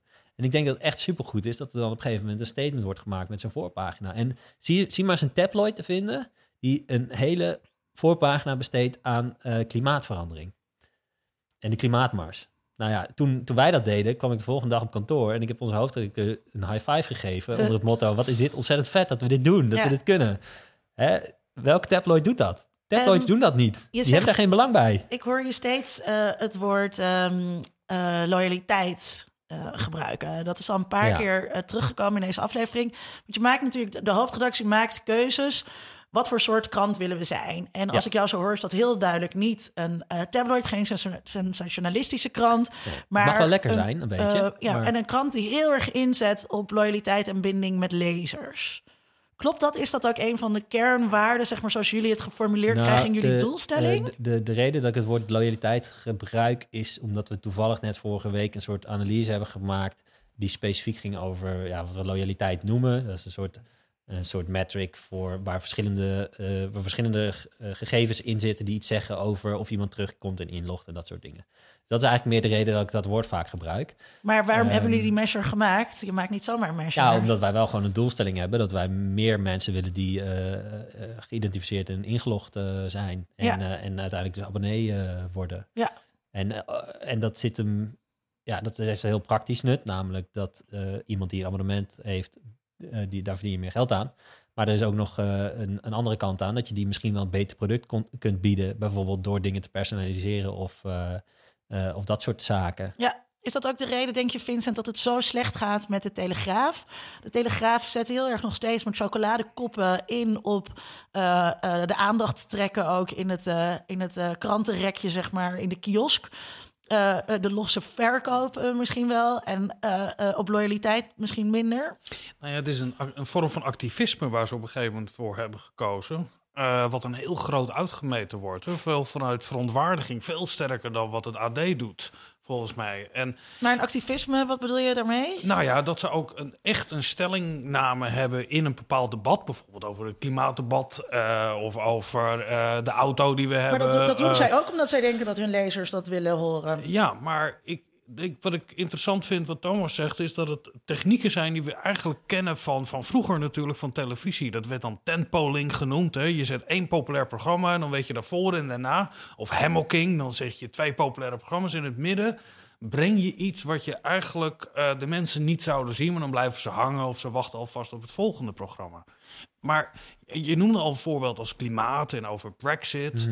Wat- Kan je benoemen wat op zo'n AD-redactie dan de, de verhalen zijn die graag verteld worden? eh, die mensen graag zouden willen vertellen, maar waar altijd weer een soort barrière in zit of een drempel in zit om dat te brengen. Ehm, ja, je bedoelt om, omdat er mensen, eh, omdat je weet dat er weinig eh, animo voor is. Voor Ja, je zei net, het is een beetje droog of Ja. wat, wat, wat- Nou, sowieso, ehm, hoe abstracter en verder van je bed het is, hoe moeilijker het al wordt. Dus ehm, sowieso eh, de, de gehele problematiek eh, met vluchtelingen die eh, in, in bootjes hier naartoe komen en dat soort verhalen zijn lastig te vertellen. Ik, dus een brexit is inderdaad een voorbeeld, klimaatverandering, wat heb je nog meer? Eigenlijk, ja, alle, alle verhalen die... hoe, hoe, eigenlijk, heel, voor mij is het zo simpel. Hoe abstracter en, en hoe minder duidelijk het is... wat het voor jou vandaag, nu, morgen betekent... eh, hoe lastiger het wordt. Terwijl verhalen waarbij heel duidelijk... een Nederlands tintje of een regionaal tintje is... Iets met moeders. Hm? Iets met moeders. Iets met moeders. Ja, waar je toe kunt verhalen, waarvan je kunt zeggen: dit had mij ook kunnen overkomen, weet je wel. Dat soort verhalen doen het allemaal, zijn een stuk makkelijker. Ehm, en dus, bij, dus als je dan een verhaal schrijft over klimaatverandering, dan is het ook best wel belangrijk dat je. eh, en ik denk dat dat ook wel een kenmerkende eigenschap is van het AD. Eh, wat ik onze adjunct hoofdredacteur elke keer hoor zeggen. Wij praten met de mensen die hier ge- gevolgen van ondervinden.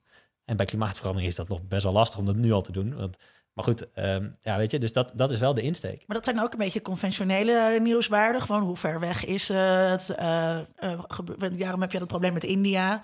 Dat zit ook gewoon in, in, in zeg maar het allereerste onderzoek naar nieuwswaarden. Van wat, wat belang is. Staan die nieuwswaarden nou opgespannen voet Maar de eigenlijk? nieuwswaarde Want- is wat anders dan of eh, ik bedoel, kijk, ik bedoel niet of het nieuwswaarde heeft. Ik bedoel alleen meer of de interesse voor is. Ja, ja, ja. Maar dus, dus Dat- mijn vraag is, in hoeverre staan dit soort dingen nou opgespannen voet met die nieuwswaarden? Met die traditionele nieuwswaarden? Hoe, hoe bedoel je die vraag? Ik, ik weet Of er interesse voor is wat vanuit jullie lezersonderzoek blijkt, of de interesse die vanuit jullie lezersonderzoek blijkt, of die op gespannen voet staat met klassieke nieuwswaarden van de journalistiek. Eh, ja, nee, ja, zonder meer. Want ik bedoel, eh, eh, eh, we zien dat eh, er gewoon eh Je bepaalde... vertelde mij ooit wat het meest gelezen verhaal was. Ja, oh, dat is misschien wel een aardig. Ja, dat is het meest gelezen verhaal in 2016. Eh, ja, mag jij raden? Dat is misschien wel leuk. De kijkersvraag. Wat gebeurde er in 2016? Ik kan nog een hint geven. Het was in februari. Ik weet het vrij, eh, vrij In februari Volgens mij zelfs 11 februari. 2016 Volgens mij weet ik het zelf zo specifiek.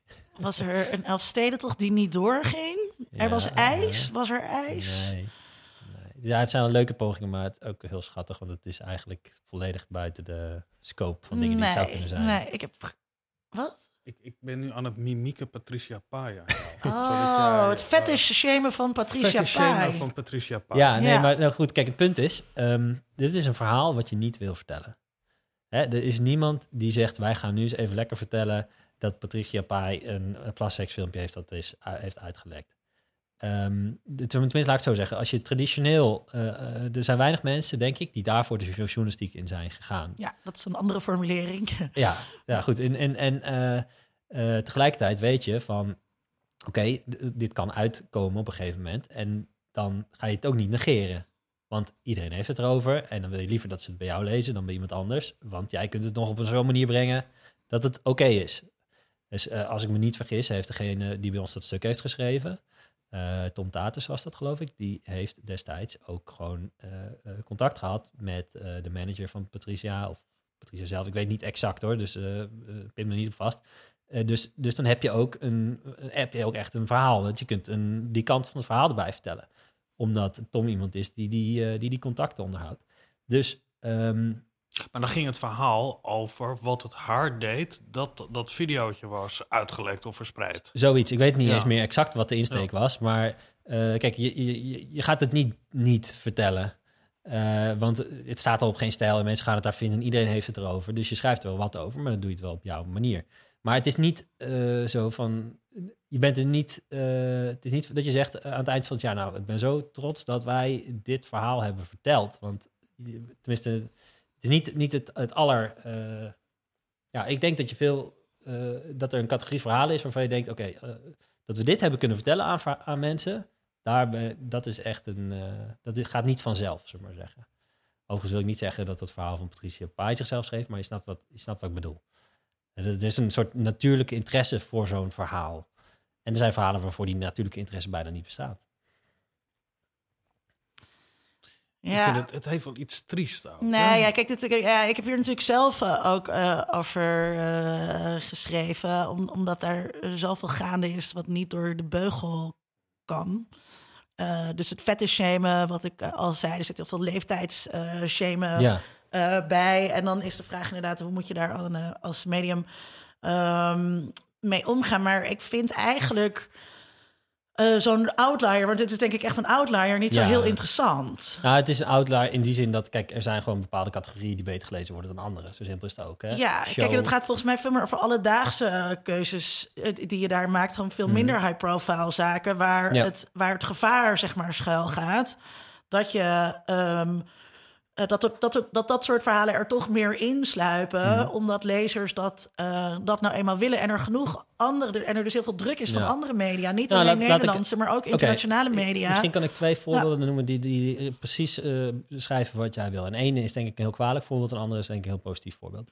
Positief voorbeeld is dat wat wij zagen, is dat ehm, eh, eh, Rico Verhoeven, mee bekend? Ja, inmiddels wel. de- Sinds twee weken geloof ik, hè? eh, eh, ja. Ken, je- ken jij Rico Hm. Verhoeven? Natuurlijk, ik Oké. lees elke dag het AD. nou ja, je, je, hebt me nog niet overtuigd. Maar oké, Rico Verhoeven is inderdaad kickbokser. En eh, eh, wij merkten op een gegeven moment dat elke keer als die jongen een gevecht had... dat was gewoon... Woef, die cijfers was bizar. Dat mensen middernacht, want het was vaak pas ergens rond een uur of twaalf of zo... dat dat gevecht begon, dat er gewoon uiteindelijk een miljoen mensen... een dag later het liveblog van het gevecht hadden gelezen. Maar dat was niet een natuurlijke interesse van de redactie. Ja, er, wa er waren wat, eh wat Dat is een blind spot. Nou ja, er waren een paar jongens die dat heel interessant vonden. En die gingen er zo een beetje op schrijven. En op een gegeven moment denk je, wacht even. Die Rico Verhoeven is een fenomeen. Dus op een gegeven moment ga je daar... eh, nou, nu is het gewoon... Wordt gewoon heel veel over... We schrijven er gewoon heel veel over. En elke keer eh, gaat het geweldig. Dus ik denk dat dat heel mooi is. Dat je een blind spot ontdekt hebt. Wat ik minder mooi vind is eh, eigenlijk de, de, de Facebook eh, ehm, red race, zullen we maar zeggen, die is ontstaan. Dus ehm, heel simpel gezegd, Ehm, je kunt als redactie, in elke redactie doet dat, heel eenvoudig monitoren wat er goed loopt bij andere redacties. Waarom? Je ziet eh, wat op Facebook lekker gaat. Mhm. eh, in termen van likes en shares en weet ik veel wat. Je kunt dus nog niet echt per se zien. Wordt er doorgeklikt, maar goed, eh, het is eh, vaak, vaak eh, eh, een bericht met meer bereik. eh, je hebt in ieder geval bereik nodig om doorkliks te krijgen, laten we het zo zeggen. Ja, maar je- hebt mij En- laten zien, zo'n dashboard, dat je gewoon echt kan zien. Het is niet dat Precies. jij op een Facebookgroep zit om Nee. eh, per ongeluk dat te Nee, zien. je monitort gewoon ja, alle pagina's die je interessant vindt. Ja, En als er, als er een pagina, een, eh, een, een bericht op die pagina is die het beter doet dan een bepaalde threshold, dan zegt hij ping, hey, let even op, dit is interessant, hier moet je wat mee. Nou, z- je kunt dus zeggen van, oké, eh, wij vertellen dit verhaal eh, niet, maar dan weet je dus dat iedereen eh, naar je concurrent gaat om dit verhaal te lezen. Ehm, het alternatief is dat alle media elkaar gaan naschrijven. En dat is eigenlijk wat er gebeurt. Dat je Ja. zes keer hetzelfde bericht hebt over dat er eh, eh, puntjes van de ijshoorns, eh, eh, van, van ijshoorntjes eh, los in de verkoop komen of zo. Ja, weet je, eh, ik noem maar wat. Maar, eh, of dat Harry Potter bericht. Dat Harry Potter bericht dat een Harry Potter shop in Utrecht opent, dat is echt een, werkt supergoed op Facebook. Dus iedereen schrijft elkaar na. En dat vind ik gevaarlijk. Want Ja. dat betekent dat je, ehm, ja, dat je dus eigenlijk allemaal hetzelfde aan het schrijven bent. En er is daar, de journalistieke afweging is niet, eh, niet wat vooraan staat. maar los van social media kijk je ook op Volkskrant en nu.nl. Dan heb je zo'n mooi lijstje, Ja. meest gelezen berichten. Ehm, Het, eh, nou, heel, heel, even, heel over dat Ja? Facebook-punt. Nog één ding, dat, dat vergat ik bijna. Wat wij ook wel eens doen, is dat wij berichten maken specifiek voor Facebook. Dus dan zeggen we, nou, we vinden dit niet eh, iets wat op de voorpagina zou moeten staan, maar alleen eh, heel goed past onder de rubriek eh, AD Auto of zo. Mhm. Eh, en dan eh, zetten we het daar en dan zetten we het los nog op Facebook. En dan, goed, zo, terug naar jouw vraag. Eh, dat was, eh, help me even. nou, de, nu.nl en Volkskrant heeft zo'n Oh ja. zo'n staartje met meest gelezen Ja. eh, berichten. Ik geloof het nooit, Ja. want het zijn vaak berichten die achter een paywall zitten. Eh, dus volgens mij is, dat- is dat ook nog eens een gemanipuleerd lijstje. Mhm. Maar eh, Bij ons kijk- niet, volgens mij. Want, eh, ik heb nog steeds niet kunnen doorgronden hoe het precies werkt. Maar ik heb ook nog nooit iemand kunnen betrappen dat het te manipuleren. Maar houden jullie systematisch bij wat er op andere sites veel gelezen wordt? Dus los zou- van wat zou- op social media. het zou zomaar kunnen dat wij dat, dat, wij dat eh, doen. Ja. Dat zou zomaar Overigens, kunnen. eh, Ja. wat, wat ik heel interessant Klinkt vond. opeens als een politicus die zegt... we kunnen Ja, het niet je. be- bevestigen, nog ontkennen. Ja, dan weet je eigenlijk al hoe laat het is. Maar eh, kijk, nee. wat ik heel mooi vond, was die ene keer dat een, een stukje van ons per ongeluk op volkskrant.nl kwam. En ja, want wij werken in hetzelfde redactiesysteem. Dus je kunt, eh, eh, je kunt Oh, ergens iets verkeerd ja. aanvinken en dan belandt jouw stuk op de Volkskrant. eh, site. En dat was meteen het best gelezen stuk van de dag. En volgens mij hebben zowel de Volkskrant als het AD daar heel goed om gelachen. Ja, dat, lijkt me ook. Baal je ja. niet dat er heel veel ehm, eh, traffic van onzichtbare bronnen komt? Dus dat er dingen, dat, dat je kan zien dat er bijvoorbeeld opeens heel veel via WhatsApp mensen binnenkomen. Kan je dat zien? Nee, dat kunnen we niet zien. Daar baal ik zeker van. Ja. Wij hebben... Het gaat Want je hebt het heel erg veel over Facebook, maar jeetje, Ja. wie zit er nou nog in hemelsnaam op Facebook? Ah, heel veel mensen. Ja, nee, echt. Dat zijn er echt wel heel erg veel. Maar, eh, AD-lezers, AD-lezers, die zeker. wat ouder zijn. Eh, misschien, misschien. Eh, maar kijk, ehm, nee, kijk, WhatsApp en zo. het lastige is dat het inderdaad totaal ondoorzichtig is. Ehm, ik zou dat heel graag in- inzichtelijk hebben. We hebben nu eigenlijk een soort, soort ja, hoe noemen we het? Gewoon een soort zwart gat. Dus er komen bezoekers ergens vandaan. We weten dat, we, dat ze niet via door ad.nl in te typen Mhm. komen. We weten ook niet hoe ze dan zijn de wel categorie komen. overig. Ja, een soort categorie over. Ja. Ehm, daar zou ik heel graag meer over willen weten. Ehm, en ja, wij kunnen alleen maar gokken of schatten wat het zou kunnen zijn aan aantallen. Ja. Maar ja, ehm, wat, wat was eigenlijk je vraag daarover? Nou, dat, dat lijkt mij heel frustrerend. Oh, zeker. Dat is heel ja. frustrerend. We hebben de laatste maanden hebben we een, eh, een het gaat heel goed met ons met AD. Eh, de cijfers gaan echt omhoog, maar gedeeltelijk weten we gewoon niet waar het vandaan komt. En ja, we zien wel, we zien trouwens wel dat het van vier kanalen komt, dat die allemaal ongeveer even hard stijgen. Mhm. Maar waarom ze dan stijgen? Ja, dat Heel komt natuurlijk door jouw goede werk. Hoe lang zit jij er? Ja, dat, eh, ongetwijfeld. Nee, in zoveel, ik denk niet dat, dat, dat, dat, dat het zo simpel is, maar ik zit er sinds eh, twee jaar nu. Ja, Dus eh, nou ja, it's finally paying off. nou, het gaat al heel lang heel goed hoor, eigenlijk. eigenlijk eh, het is één grote stijgende lijn. Ja, nee, er worden, maar er worden ook gewoon eh, eh, hele goede journalistieke keuzes gemaakt eh, bij het AD. Dat eh, vind ik ook. Ja, dat verbaast je, hè? Dat ik zoiets zeg aan het Ik einde had, van hem de niet, aflevering. ik had hem niet zien aankomen, Nee, maar het is toch, ja, eh, het is toch eh, leuk. Mijn Zo. favoriete rubriek is Geld en Mensen, heet dat zo? Ja, uit, de uit, eh, uit magazine is dat. Ja. Eh, ik weet niet of het, het heet niet geld, en- geld en geluk. Geld en Geluk. Ja, dat is fantastisch. rubriek. Ja. Maar we kunnen nog wel een tijdje eh, doorbabbelen, maar laten Wil, we er een... eh, wil je het nog over de curve hebben? Ja, je, je zei eerder dat die curve, dat je een verhaal maakt, maar als er een nieuwscurve is. Maar wat is dan een nieuwscurve en hoe kan je dan Ja. een bestaand verhaal Als, als nog mag van? Linda. Dat is, Ja, eh, Ja? Nee, kijk, wat, wat je eigenlijk ziet is... ehm, ehm, ik leef in de veronderstelling dat we in Nederland een soort van eh, eh, aandachtscurve hebben. Dus voor elk onderwerp heeft zijn eigen aandachtscurve. En meestal is die curve gewoon een flatline. Dus er is meestal geen aandacht voor een onderwerp. En de traditionele manier van denken is... we gooien een stuk online en we verwachten dat mensen daar dan wel zelf wel naartoe komen. Even heel traditioneel gedacht. En we weten inmiddels dat eh, soms de timing best wel belangrijk is. Want als die flatline flat is, ja, dan is die niet opeens zo omdat jij toevallig dat stukje erover schrijft. Want dan interesseert het nog steeds niemand, dat ene onderwerp. Maar op het moment dat Jan Terlouw bij De Wereld Draait Door zit... een heel verhaal houdt over het touwtje uit de brievenbus... en over klimaatverandering... en heel eh, Twitter losgaat... en dat is dan een soort indicator van dat het blijkbaar leeft... en zeker niet een hele goede indicator, maar het is in ieder geval één... eh, dan zie je dus dat heel veel mensen daar over, het over hebben... Ehm, dat is misschien wel het moment om dat verhaal eh, te plaatsen. Want dan is die aandachtscurve is er Maar hebben jullie verhaal op de plank liggen? veel te weinig. Ja? Ja, we hebben wel, we hebben wel een soort contentkalender, zoals dat heet. Een Ja. marketingterm. Dus we hebben wel... heeft een contentkalender. Ja, Ja, dat kan ik me heel goed voorstellen. Zit Maar je dat je ook gewoon denkt van... Goh, dit zijn de verhalen die we graag willen brengen. Die Mhm. zijn niet zozeer actueel, maar we hopen dat er iets gebeurt... waardoor we... Kijk, redacties werken natuurlijk grotendeels al zo, gewoon door aanleidingen te zoeken en zo. Alleen nu heb je daar als eh, element bij dat je kunt zien in Google Trends of in, eh, weet ik veel wat voor cijfers, kun je zeggen van nou, het, eh, het loopt nu wat meer. We gaan. Ja. We gaan ervoor. Ja. Eh, vraag, vraag beantwoorden gaan we doen. Eh, ik eh, zeg eerst de vraag en dan mag Vincent en dan mag jij de vraag beantwoorden. Zo, Oké. Ja, dan mag jij er wat langer over nadenken. Vincent bereidt zich voor. Ja, goed dat je daar goed voor gaat was zitten. hij De 86ste keer ga ik hem nu betalen. Ik ga hem gewoon beantwoorden. Een topsporter zit hier Ja. tegenover me, zie ik. Op welke manier verandert de journalistiek door lezersonderzoek?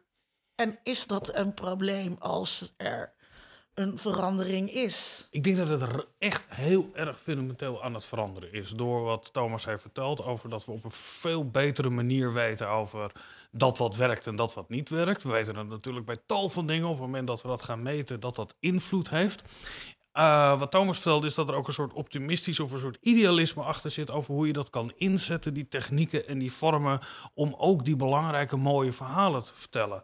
En als ik in een hele optimistische bui ben, dan denk ik, ja, dat is ook geen probleem. Het is goed om dat soort vormen te gebruiken. Maar dat doe je altijd in tijden van voorspoed. Dus op het moment dat het uh, misschien een keer niet zo goed gaat met een titel of met een uitgeverij of uh, uh, waar dan ook, dan zie je dat het eerste dat verloren gaat is altijd de goede tierendheid. En dan wordt er op een gegeven moment wel gekeken. Ik werk aan een universiteit, daar hebben we allemaal hele hoge idealen. Maar als geld op is, dan gaat het op een gegeven moment toch wel van klits, klets, klander. En dan zijn die hoge idealen er misschien helemaal niet meer. Ik kan me niet voorstellen dat in de journalistiek niet zo zou zijn. Dus is het een probleem? Nee, zolang het in voorspoed, tijden voor voorspoed, denk ik dat het heel goed is om meer te leren, meer te weten. Dat in te kunnen zetten, betere koppen te maken, betere lengte te hebben voor stukken, beter om te gaan met graphics en beeld. Maar in tijden van teruggang denk ik dat er toch een keer een gesprek wordt gevoerd met Gert-Jan. En zegt Gert-Jan, schrijft altijd van die mooie stukken, maar niemand vreet het. Dus misschien is het een beter idee dat jij uh, je heil ergens anders gaat zoeken.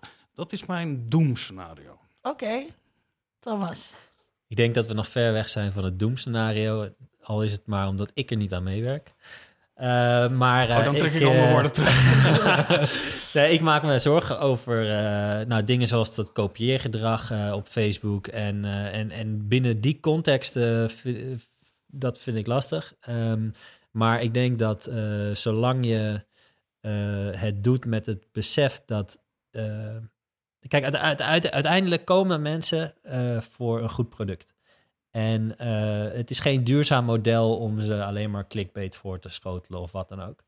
Dus zo, zolang dat uh, zo werkt en zolang mensen loyaal zijn aan goede producten, denk ik dat de data ingezet wordt daarvoor. En dat we uiteindelijk per saldo verhalen waarvan we vroeger dachten dat niemand er interesse in had, uh, dat we nu hebben ontdekt hoe kunnen we mensen toch verleiden naar moeilijkere, uh, lastige, betere uh, analyses, belangrijkere onderwerpen dat het pers uiteindelijk uh, dat het heel positief uh, kan zijn. Ja, kijk, ik denk dat het allemaal, ik ja. denk dat het allemaal wel losloopt.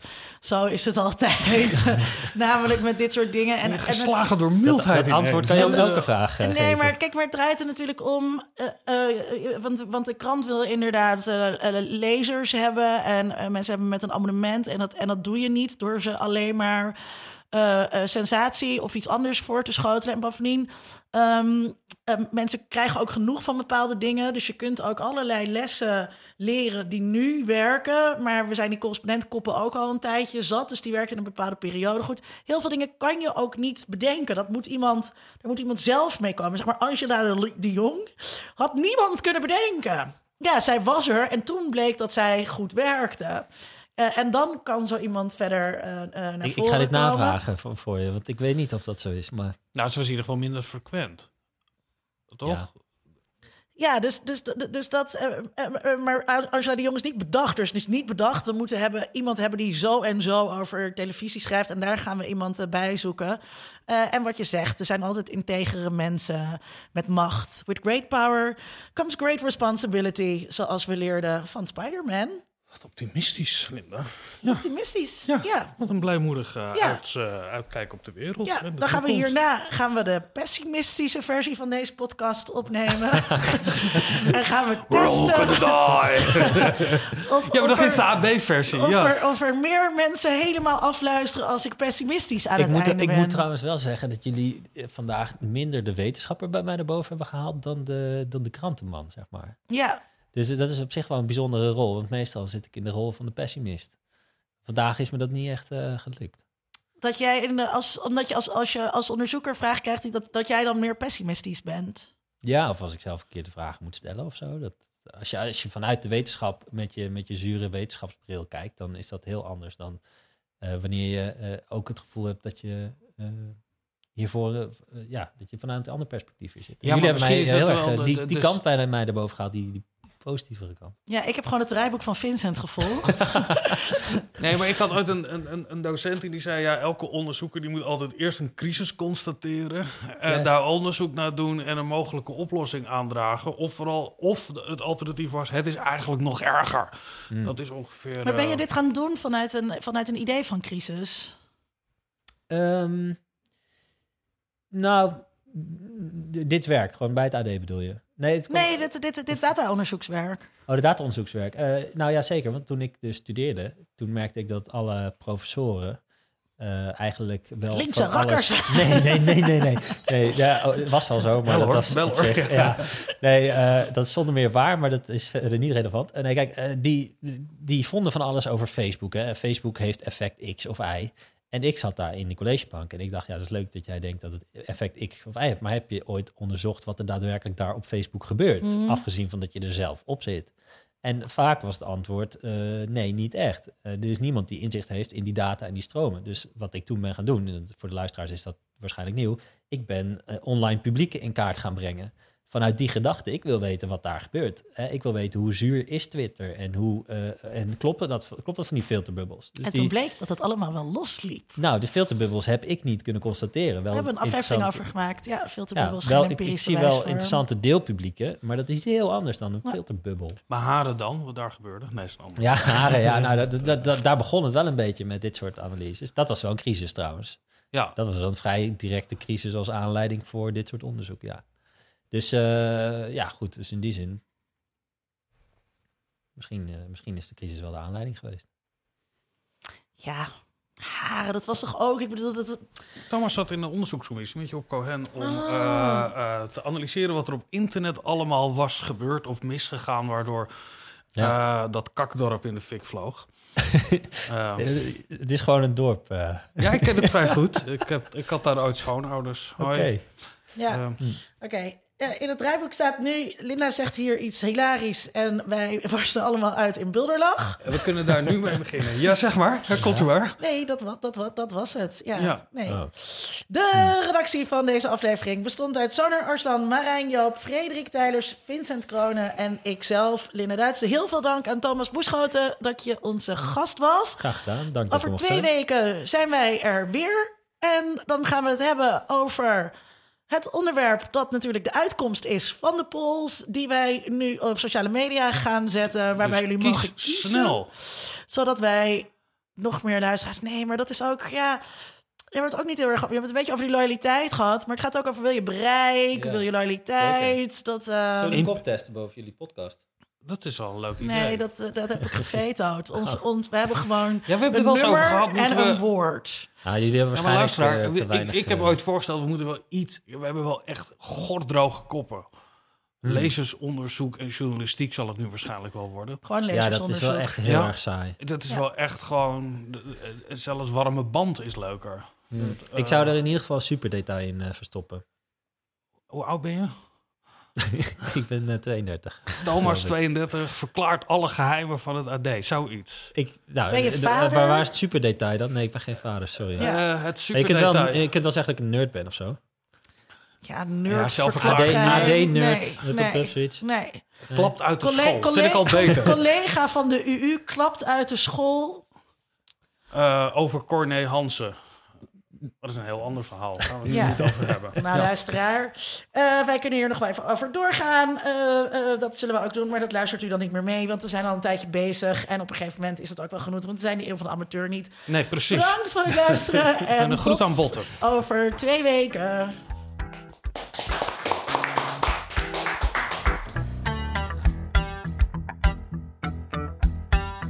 Onder Mediadoktoren is een podcast van Vincent Kronen en Linda Duits.